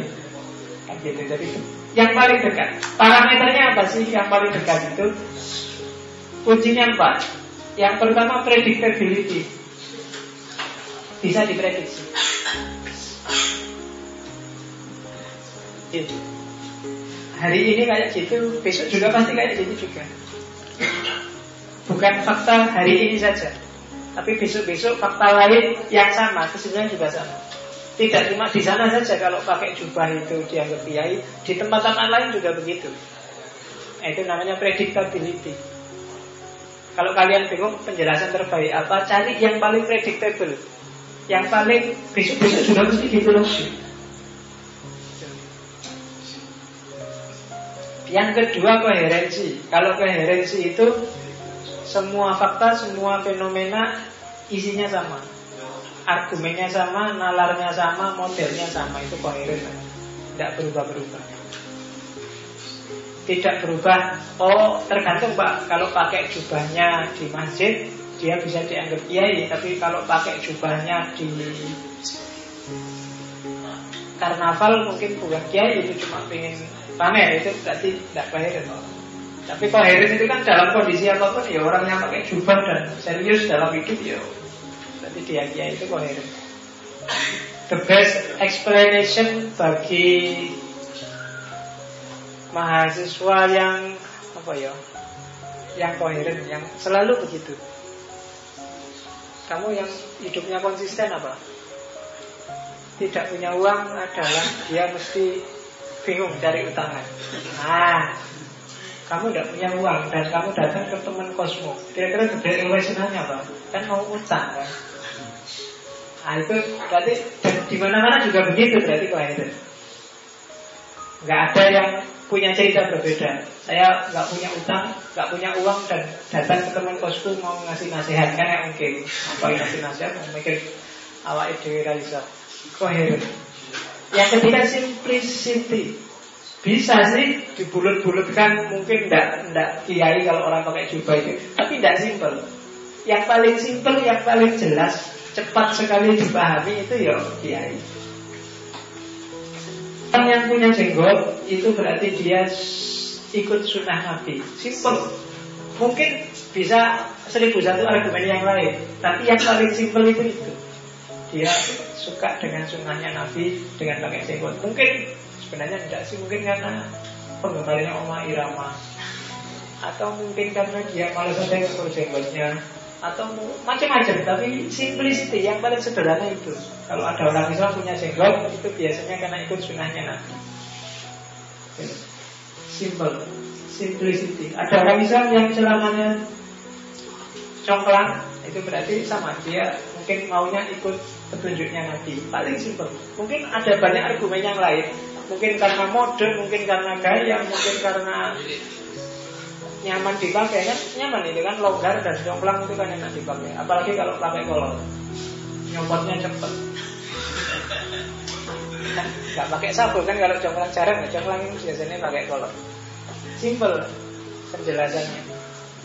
Gitu. Loh kalau ke mana-mana pakai sarung biasanya anak ini santri, simple kan? Yang paling masuk akal santri. Santri kan nggak harus dari pesantren. Santri kan punya definisi sendiri. Tapi yang paling simpel santri. Ya mungkin macam-macam, nggak cuma santri. Tapi yang paling sederhana itu santri. Ya, itu namanya the best explanation. Dari sekian banyak hipotesis, yang paling mungkin adalah yang paling simpel. Yang pertama kali masuk akal itulah biasanya yang pas. Mungkin kamu pakai sarung bukan karena santri yo, mungkin karena kamu habis sunat atau karena kamu dicuci ya bagaimana. Tapi yang paling sederhana itu karena mentalmu mental santri. Lebih enak pakai sarung, simplicity. Dan yang terakhir fruitfulness. Fruitfulness itu yang paling praktis, paling jelas kegunaan nyatanya, yang paling kontekstual itu fruitfulness. Bisa sih orang pakai jubah itu dia sebenarnya pekerja, dia sebenarnya preman, dia sebenarnya pedagang itu kalau di Arab. Tapi karena kita ngomongnya di Indonesia, kemungkinan besar dia kiai itu faithfulness. Prinsip yang keempat. Jadi the blessed explanation Kegunaan praktis yang paling nyata Kalau lihat orang pakai jubah itu kiai Karena ini Indonesia Bukan Arab Saudi. Kalau Arab Saudi preman petugas kebersihan juga pakai jubah dan punya jenggot juga dan pakai serban juga.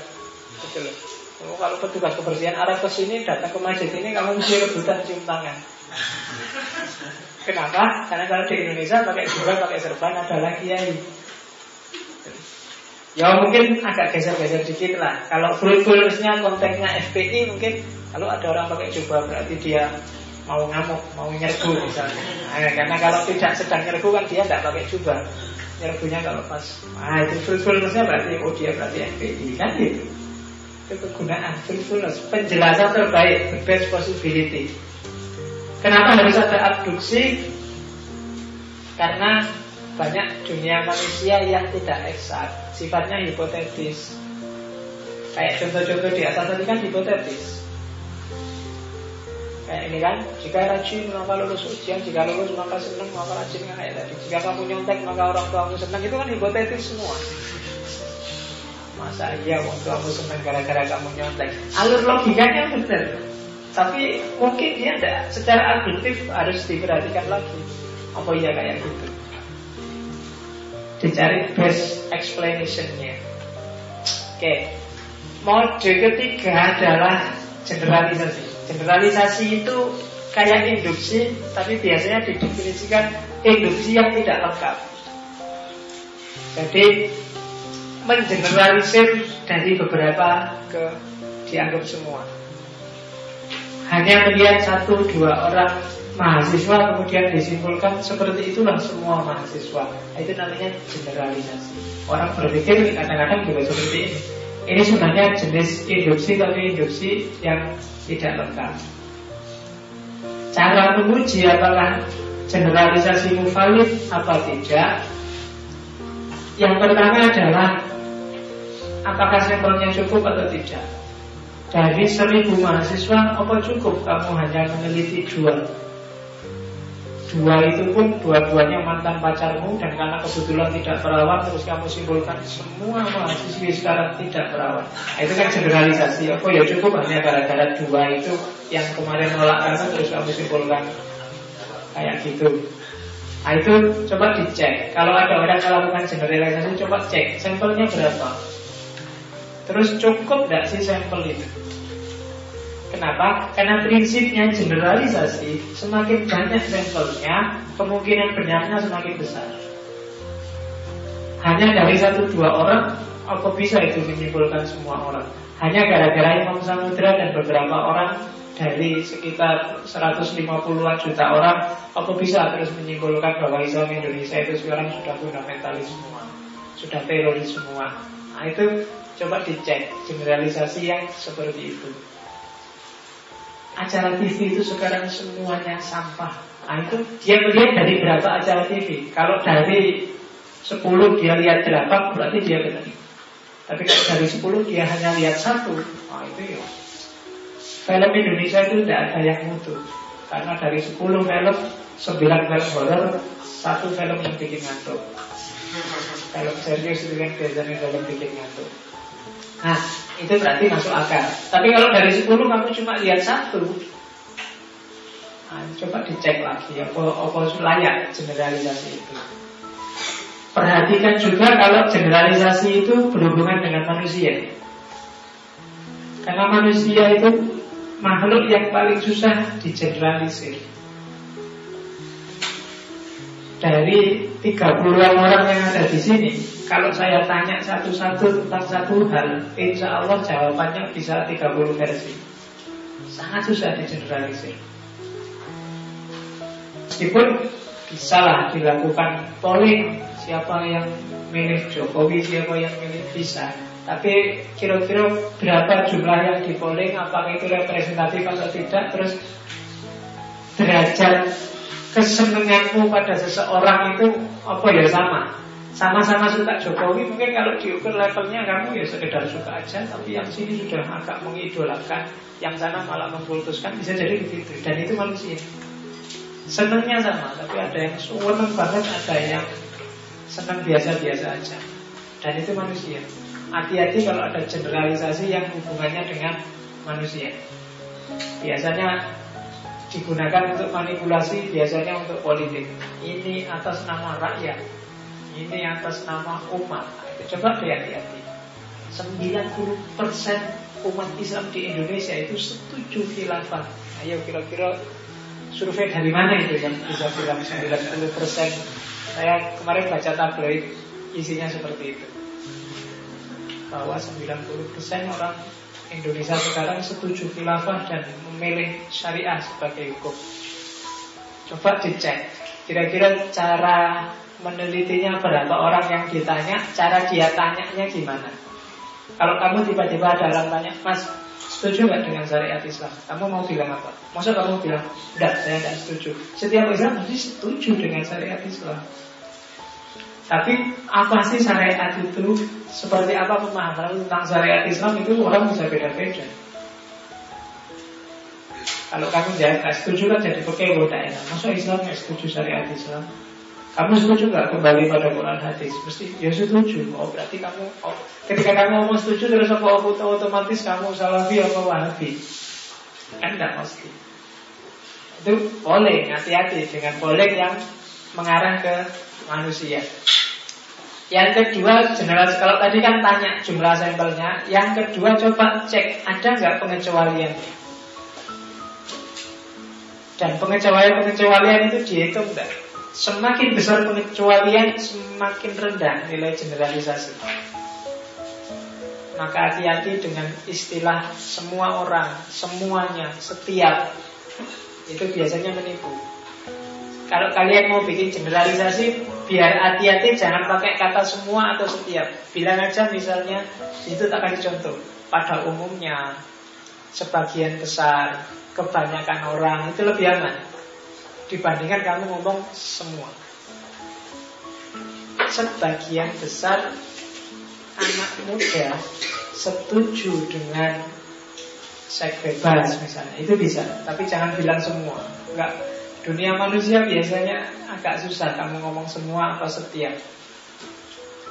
Setiap mahasiswa ingin cepat lulus, itu aja nggak mesti.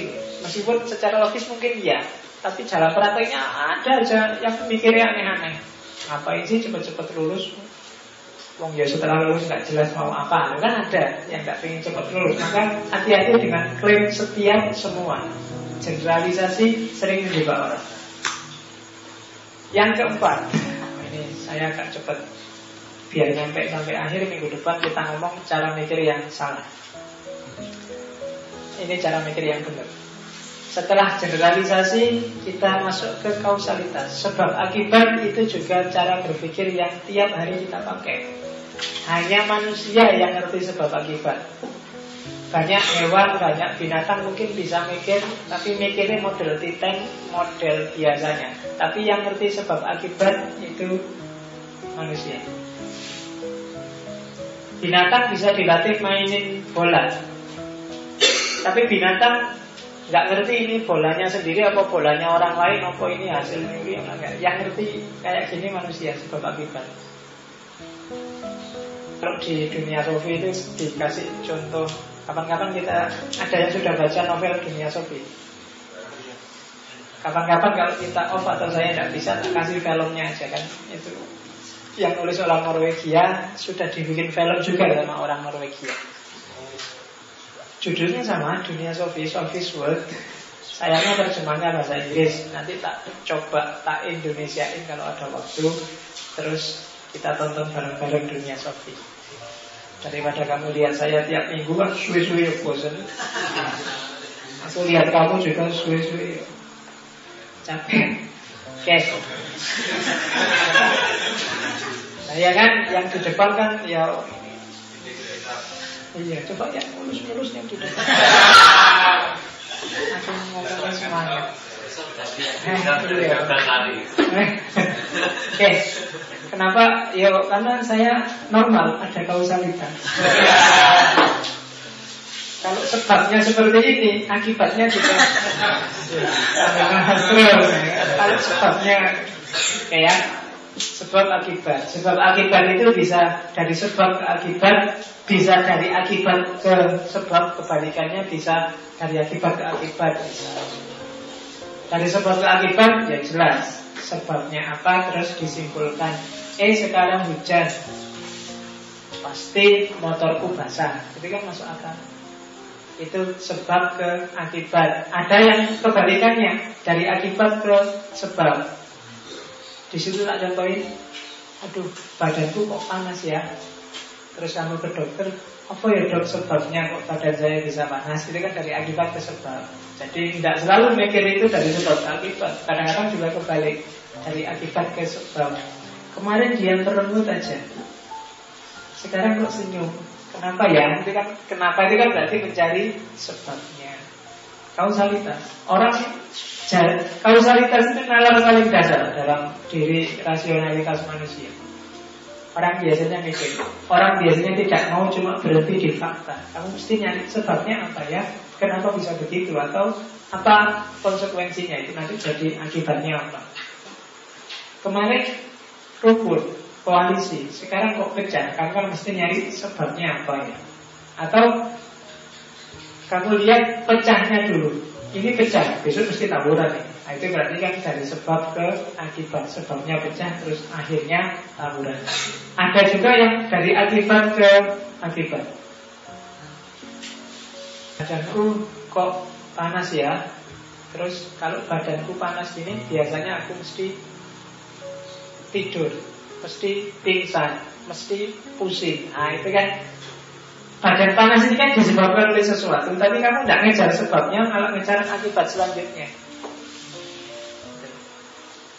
Dalam hidup sehari-hari Tiga ini sering bermain. Kadang-kadang kamu tidak nyari Sebab dari akibat yang kamu lihat Tapi kamu malah nyari Implikasi selanjutnya Atau kamu berhadapan dengan sebab Terus melihat kira-kira akibat nanti apa. Kausalitas Analisis di level apa pun biasanya kayak gini kan sebabnya kenapa ya kok nilai itu jelek?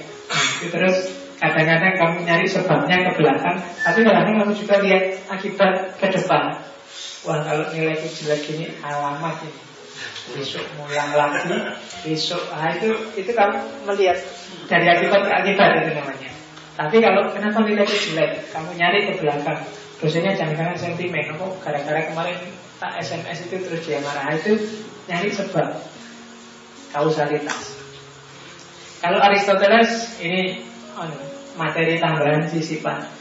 Kalau Aristoteles sebab itu ada satu, dua, tiga, empat. Ada sebab material, ada sebab efisien, ada sebab formal, ada kausa prima, sebab terakhir. Nanti dalam konteks tertentu kita akan ketemu lagi dengan ini ketika membahas Tuhan.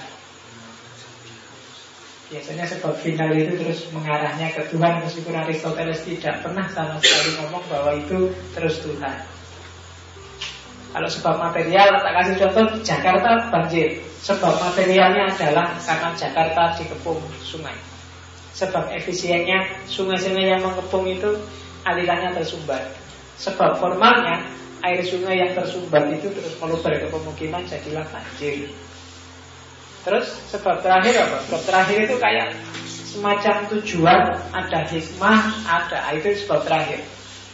Ada banjir itu ya biar manusia menjaga harmoni alam. Gimana caranya sungainya nggak meluap. Itu sebab terakhir sebenarnya. Itu semacam dibikin kayak gitu biar orang sadar. Nah itu namanya sebab terakhir. Tapi ada sebab material sebelumnya efisien dan formal. Kenapa kok kamu stres? Sebab kamu apa? Uh, ditinggal pacar sebab materialnya sebab efisiennya karena kamu ditinggal pacar terus kamu bingung karena sekarang kesepian nah, efisien sebab formalnya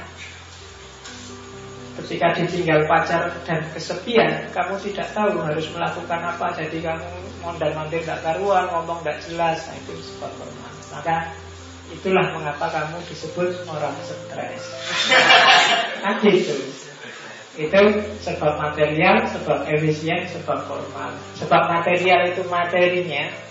Tadi materinya Kenapa Jakarta banjir? Karena ada sungai Sebab efisien itu kondisi dari materi itu apa sih? Sungainya tersumbat.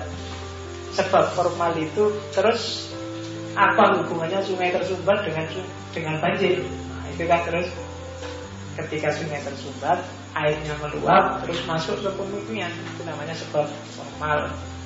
Dan terakhir puncaknya adalah Allah menurunkan banjir itu biar manusia sadar harmoni alam itu sebab terakhir kausa prima nanti kita ketemu yang kayak gini ketika ngomong Tuhan di Aristoteles. Di sini juga ada kalau kamu paham bacanya.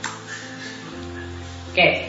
Nah sebelum kamu memastikan apakah sesuatu sebab sesuatu itu jadi sebab atau tidak, pertama adalah apakah sebab itu yang kamu anggap sebab itu cukup tidak untuk melahirkan akibat. Kalau enggak berarti dia bukan sebab. Oh kalau lihat tipenya ini nggak mungkin kalau cuma gara-gara ditinggal pacar terus stres kayak gitu. Mungkin ada yang lain. Mungkin nggak semata-mata ditinggal pacar. Oh ternyata baru ketahuan Dia tidak cuma ditinggal pacar Ternyata pacarnya ini membawa lari dompetnya misalnya Nah itu berarti baru itu sebab Oh pantas dompetnya dibawa lagi juga sih. Maksud dia stres. Nah itu berarti sudah cukup. Kalau tadi cuma ditinggal pacar mungkin belum cukup.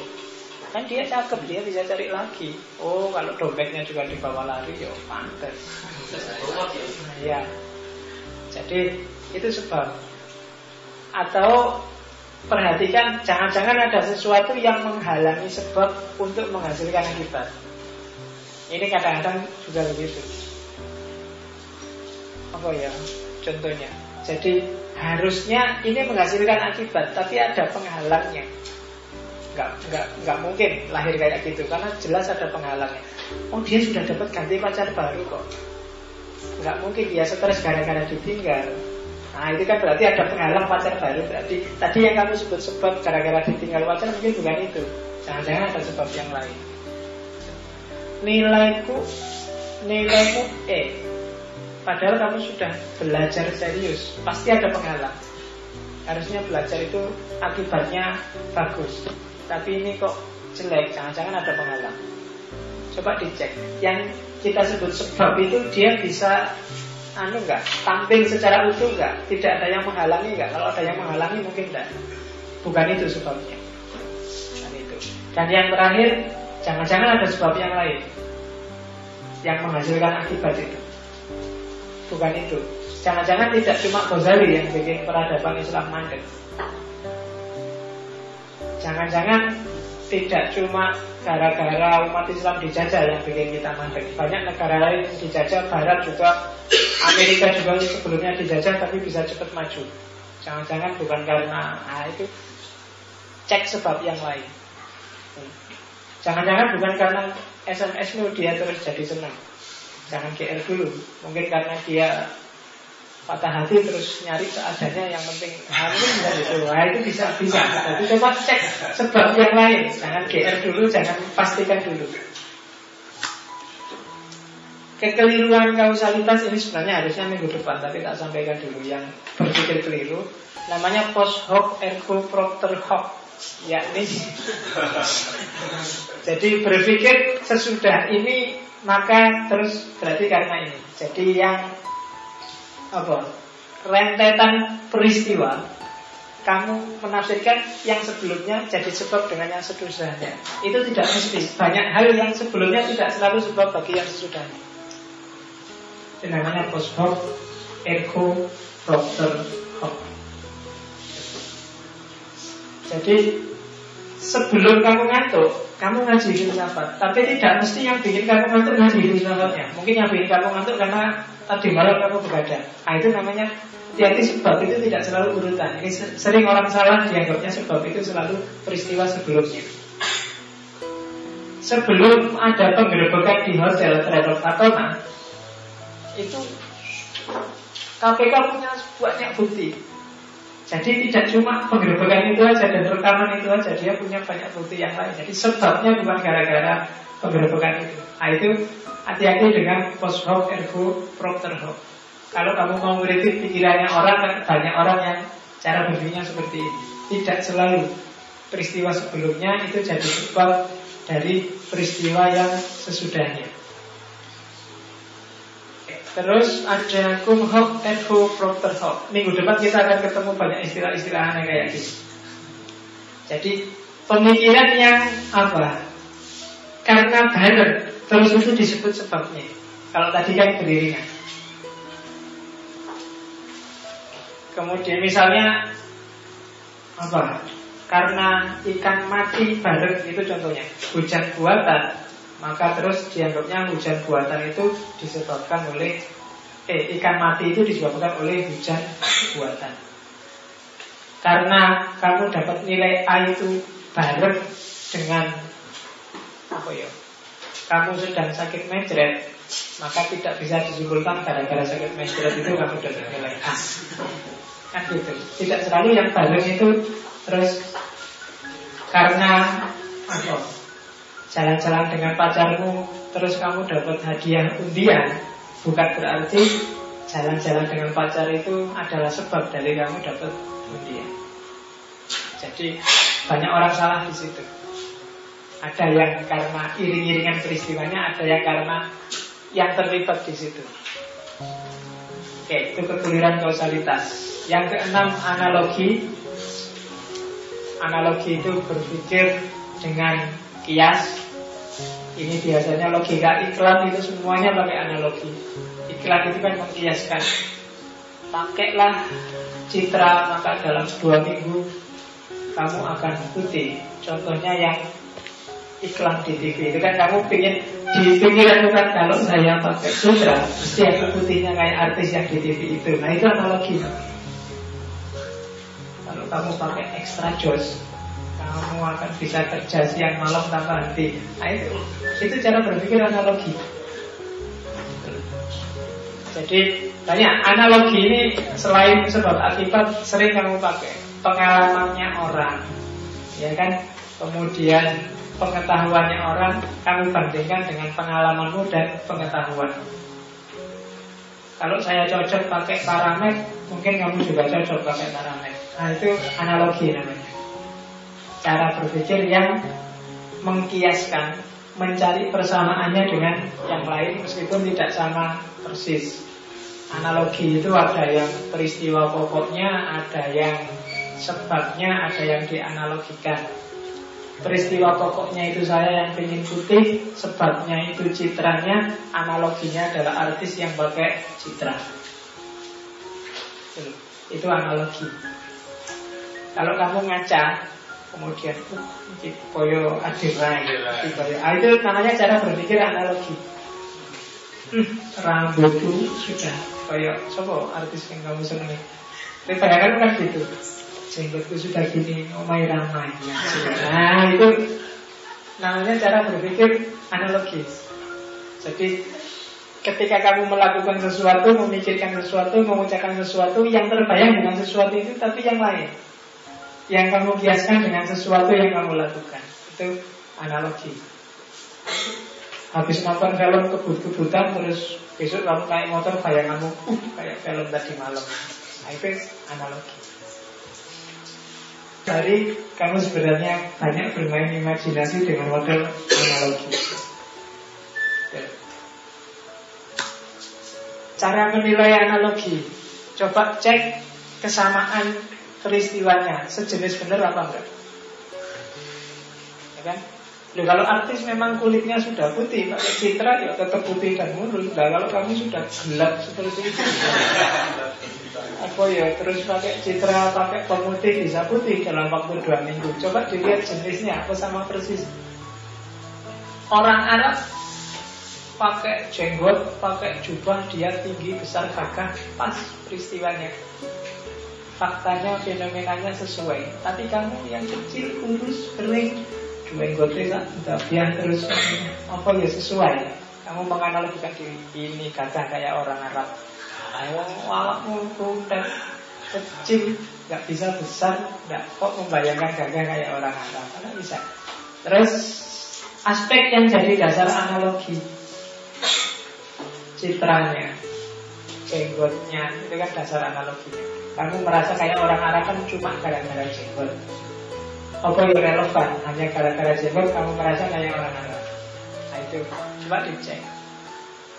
Apa yang pas? Hanya gara-gara lotion terus berhubungan dengan kulitmu bisa putih apa enggak? Warna kulit bisa berubah enggak selain lewat operasi plastik? Bisa kamu bisa sih kulitmu jadi putih tapi pucat. Caranya gampang nggak usah keluar sebulan.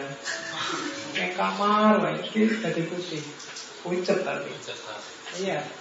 Terus sifat analoginya jangan keliru. Tuh. Jenggot itu tidak ada hubungannya dengan Arab dan tidak Arab. Mungkin hubungannya dengan sunnah dan tidak sunnah. Jadi kalau pikiran hubungannya sama Arab dan tidak Arab ya keliru misalnya. Kan gitu. Itu sifat analogi namanya. Harus pas Itu dianalogikan apanya sih Kan gitu Saya kayak adirai Itu apanya dulu Kalau badannya enggak Tahunya mungkin ya Nah itu harus jelas dulu analoginya apa gitu saya kayak artis apanya dulu kan gitu.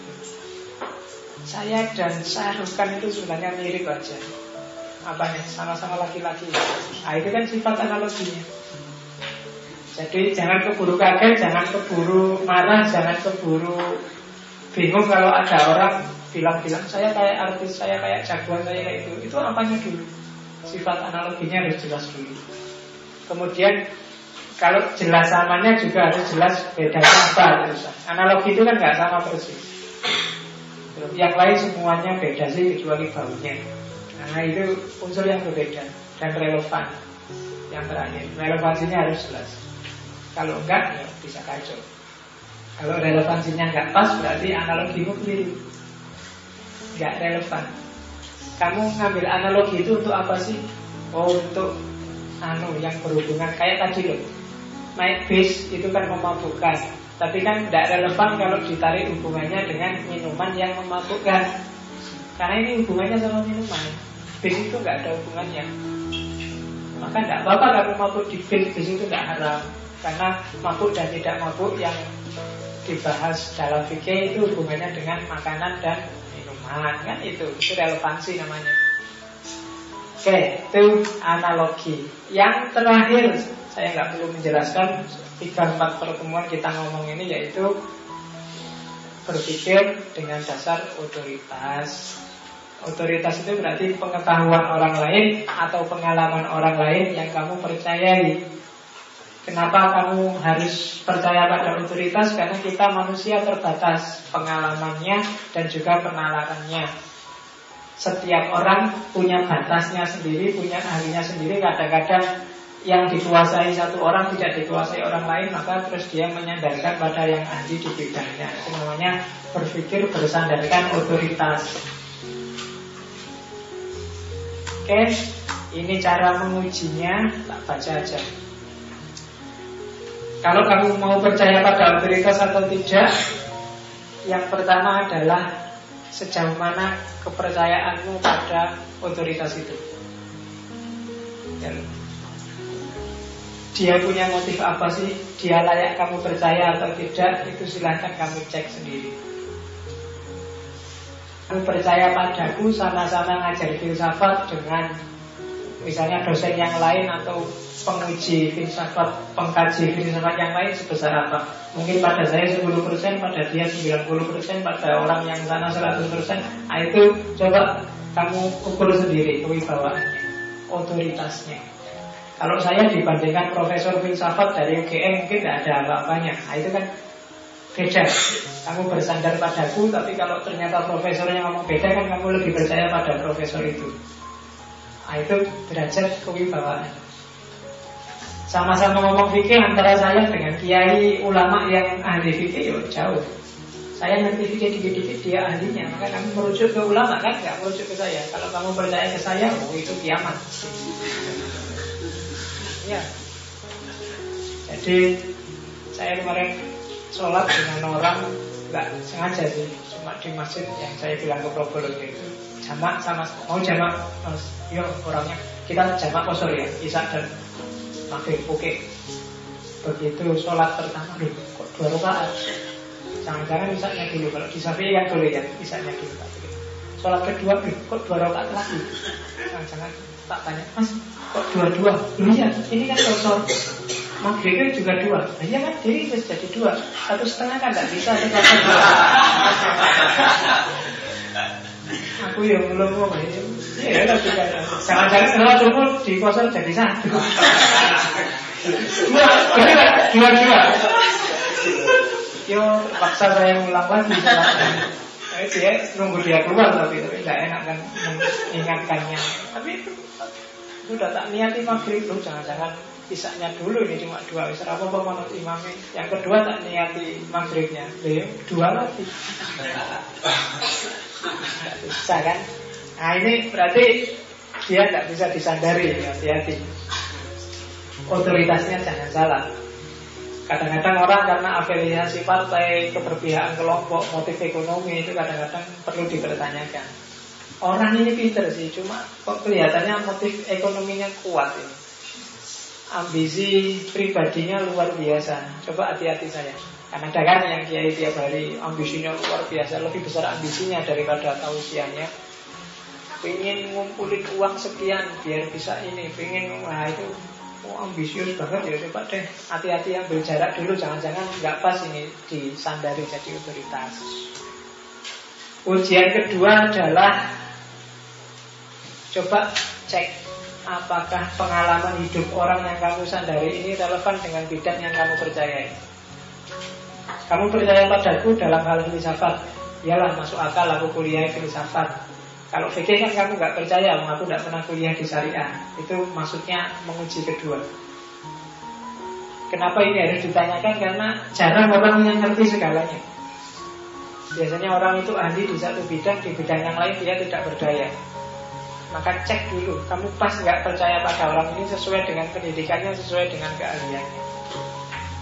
Untuk penyakit, kamu harus ke dokter. Untuk urusan bangunan, kamu harus ke arsitektur. Untuk kan itu namanya. Coba diuji, jangan kebolak balik. Kalau kebolak balik berarti keliru secara otoritas. Jadi kalau ada orang berargumen dengan dasar otoritas, coba dicek ahlinya enggak yang disandari itu. Kalau enggak, kritik aja berarti dia keliru. Tentang politik kok kamu taklidnya pada Oma Irama? Wow. Ya itu hati-hati, jangan-jangan keliru. Oma Irama dan kalau tentang musik dangdut, kamu taklid pada Oma Irama. Tapi tentang politik masuk Oma Irama. Jangan salah. Sekarang kan banyak itu kan yang nggak jelas. Artis sopo politikus sopo, ya kan? yang subur itu paranormal. Kok sekarang nyalur presiden? Kira-kira kalau dia berfatwa itu fatwa yang derajatnya mistik atau derajatnya politik? Jangan-jangan nanti saya bikin keputusan ini karena dibisikin oleh yang gaib itu kan susah kamu bacanya. Karena kamu nggak ngerti yang gaibnya kayak gimana. Menguji kewibawaan yang ketiga adalah orang ini objektif nggak mungkin pendidikannya relevan tapi jangan-jangan dia tidak objektif. Dia ahli kesehatan sih, tapi dia tidak objektif karena dia sambil jual obat karena sudah terlanjur perjanjian sama apotek sama farmasi. Maka orang sakit panas saja dikasih antibiotik yang harganya 200 ribu. Akan ada kayak gitu. Dicek lagi objektivitasnya. Menguji yang ketiga. Dan yang terakhir coba dicek. Hanya kamu saja yang percaya ke dia atau banyak orang lain? Kalau banyak orang lain kemungkinan kamu benar. Tapi kalau hanya kamu saja coba hati-hati. Kalau hanya 30 orang ini aja yang percaya bahwa saya ngerti filsafat Coba kamu belajar lagi cek di buku-buku Jangan-jangan saya keliru. Tapi kalau banyak orang mungkin ribuan orang percaya padaku Ya mungkin kamu nggak nggak harus terlalu kuat. Nah itu menguji namanya jadi percaya pada otoritas itu ya, tapi coba dicek lagi, diuji lagi otoritas-otoritas yang kamu percaya. Itu model ketujuh. Jadi kita sudah dapat cara berpikir tujuh, kewibawaan, analogi, kausalitas, generalisasi, abduksi, deduksi, dan deduksi. Tujuh ini sebenarnya nyawanya nyawa dari cara berpikirmu setiap hari. Masterlah di tujuh ini mungkin kamu sudah bisa kritik, sudah bisa analisis, sudah bisa mencermati persoalan, mengomentari masalah. Dari tujuh ini saya cuma ringkes inti-intinya. Kamu perdalam silahkan baca di buku-buku logika. Cara berpikir yang benar Minggu depan kita masuk ke cara berpikir alternatif dan cara berpikir yang salah. Kalau ini yang pakem, yang paketnya seperti ini orang mikir. Oke, waktu dialognya jadi tinggal 5 menit. Tidak apa-apa kalau ada yang tanya yang belum dipahami. Kalau waktunya nggak nyampe, kita lanjutkan minggu depan kalau ada pertanyaan. Karena waktu kita masih panjang, tidak ada yang ngejar, nggak pakai SKS, nggak pakai ujian, nggak ada batas, jadi nyantai aja. Saat seneng-senengmu, nggak paham ditanyain aja. Kalau saya nawarin pertanyaan, nggak harus pertanyaan edisi hari ini. Minggu-minggu lalu yang nggak paham, tanyakan lagi nggak apa-apa. Kalau saya bisa jawab, tak jawab. Kalau nggak bisa, minggu depan lagi. Kok tak cari-cari, tak belajar juga masih tak bisa. Yo, ayo kita undang orang lain, ayo belajar bareng-bareng ditanyain yang lebih ahli. Gitu. Tidak usah gaya. Saya ngomong di sini bukan saya pameran bahwa saya ngerti filsafat. Cuma kita ayo belajar bareng-bareng. Karena pameran di depanmu untungnya apa juga. Pameran di depan TV banyak orang ngerti di depan. Kalau kamu kan ya Silakan. Ya.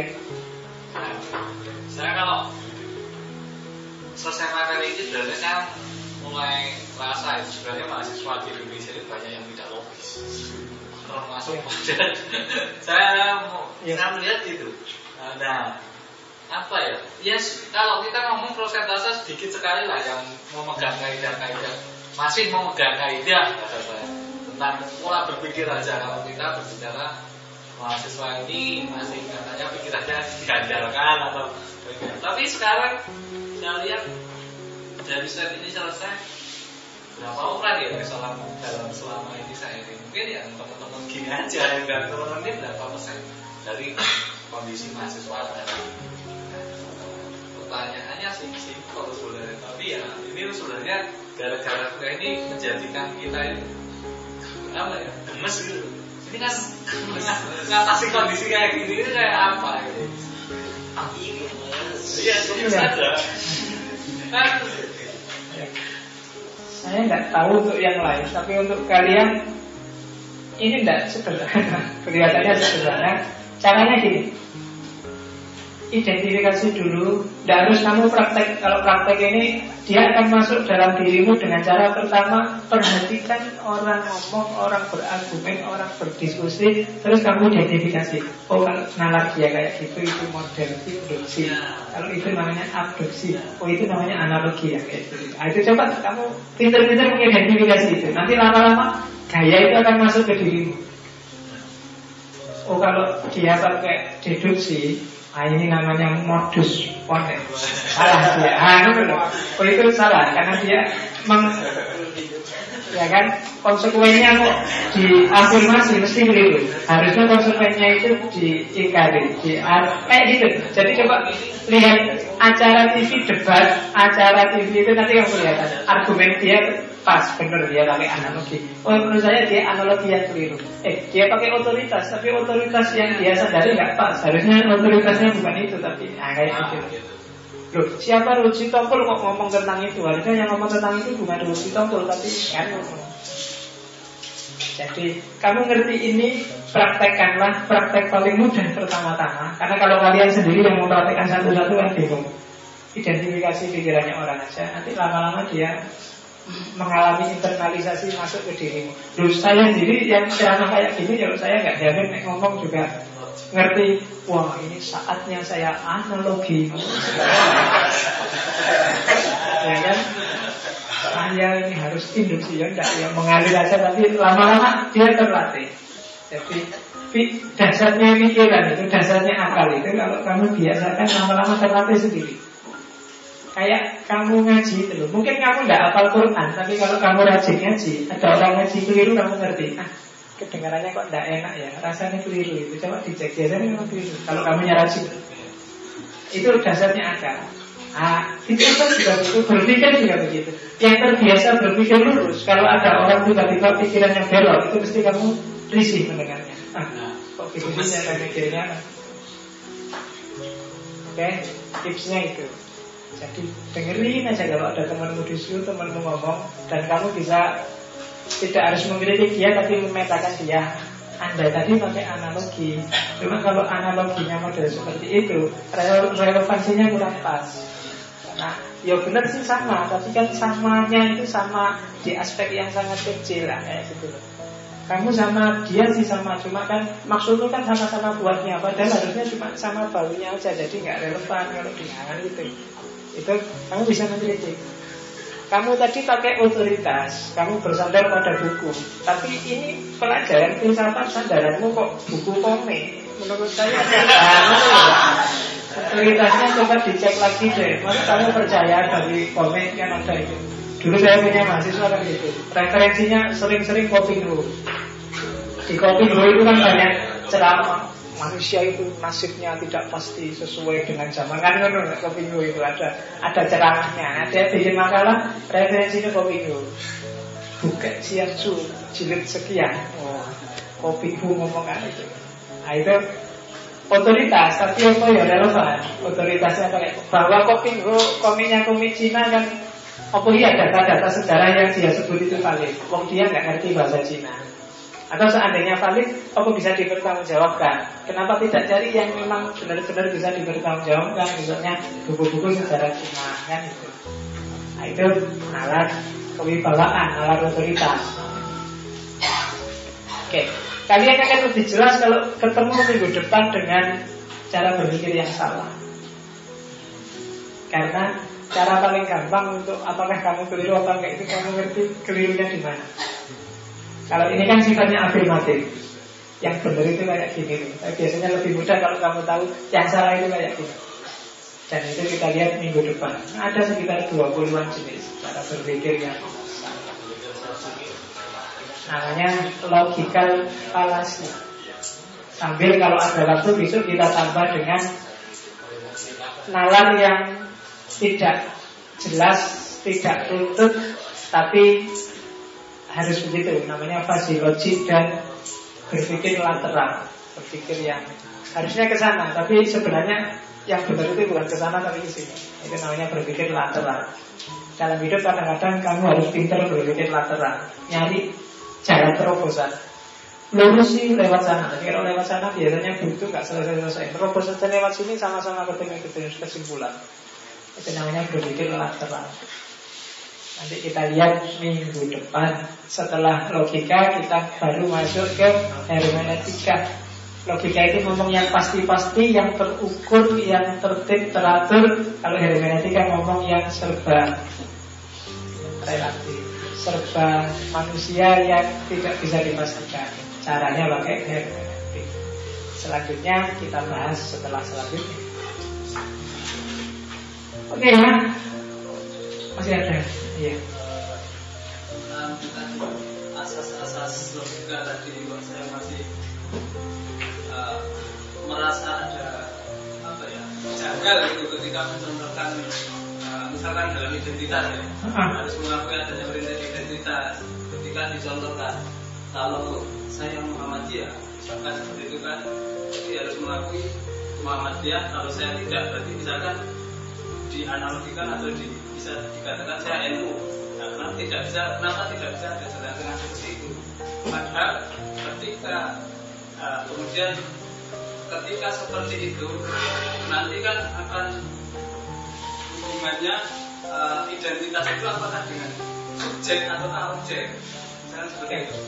Nah kalau dengan subjek, ketika kita identitas itu berhubungan dengan subjek, sebagai kita sebagai uh, apa namanya pelogik ya orang yang mencoba berpikir logik itu kalau kita sudah masuk seperti itu otomatis kita akan berpikir dengan alur yang seperti itu juga. Nah, akhirnya kita masuk misalkan kalau saya masuk ke alur NU berarti saya sudah masuk ke sini tapi kalau saya masuk ke Muhammadiyah berarti saya pakai alurnya itu juga. Bisa menemukan jalan tengah mungkin sebagai jembatan lah kalau itu tapi kalau ini contohnya contoh contoh contoh seperti benturan ya mungkin ya, yang dicontohkan memang seperti itu. Nah mungkin kan tidak bisa menjadikan satu bagaimana merangkul semua mencari jalan tengah yang terbaik. Mungkin seperti itu. Oke, tak kasih contoh yang gampang aja ya. Contoh Eno Muhammadiyah kok mesti tidak tuh, anu sini. Ini apa? HP. HP adalah HP. Itu prinsip identitas. HP bukan mikrofon, itu prinsip kontradiksi ya kan? Tidak ada bukan HP dan sekaligus bukan mikrofon. Itu tidak ada. Bukan HP bukan mikrofon ya barang lain. Itu namanya prinsip excluded middle. Tidak ada antara-antara. Saya tidak marah juga tidak senang, tidak sabar. Nah itu susah kan? Marah dan sabar itu dua hal yang bertentangan. Orang harus tinggal di salah satu state, tidak bisa di dua-duanya. Saya marah, itu identitas. Marah itu marah. Tapi kontradiksinya, kalau saya marah berarti saya tidak sabar. Excluded middle berarti tidak mungkin saya sekaligus marah dan sekaligus sabar. Itu excluded middle. Contoh paling gampang itu. Jadi tidak mungkin saya di saat yang sama ada di dua state sekaligus. Saya pasti ada di satu state. Kalau saya ada di satu state, berarti saya tidak ada di state yang lain. Kalau saya sedang marah, berarti saya tidak sabar. Ya kan? Marah ini identitas A sama dengan A. Kontradiksinya, kalau saya marah, berarti saya tidak sabar. Excluded middle berarti tidak mungkin saya secara sekaligus tengah-tengah. Tidak marah juga tidak sabar. Pasti kalau tidak marah ya mesti masih sabar. Nah itu contoh paling gampang. Contoh-contoh manusia kayak NU kayak itu Nanti kita bahas belakangan biar kamu gak bingung. Ini buku. Ya kan, itu identitas sudah kan? A sama dengan A. Kalau buku berarti dia bukan kresek ya kan? Ini tidak bisa buku sekaligus kresek itu aja paling gampang. Contoh kalau ilmu alam itu gampang. Sama. Saya gundul dan sekaligus tidak gundul itu tidak bisa. Antara gundul atau Ini cuma itu. Saya gundul berarti kontradiksinya Saya tidak botak Eh saya tidak gondrong Berdua gundul kalau botak Nah dan tiada jalan tengah. Tidak mungkin saya sekaligus gundul sekaligus gondrong Ya kamu bisa ngayal pakai wig pak. Enggak. Wig itu enggak gondrong itu kan palsu. Tapi tidak mungkin. Nah, Itu namanya prinsip excluded middle. Tidak ada jalan tengah. Tidak ada antara-antara. Kalau enggak A ya B. Oh, Sesuatu tidak bisa Dua hal yang bertentangan Tidak mungkin ada di ruang dan waktu yang sama. Itu excluded middle. Namanya Tiada jalan tengah. Bisa ditangkap ya arahnya ke situ lah. Nanti yang manusia yang NU Muhammadiyah sebenarnya saya bisa menjelaskan.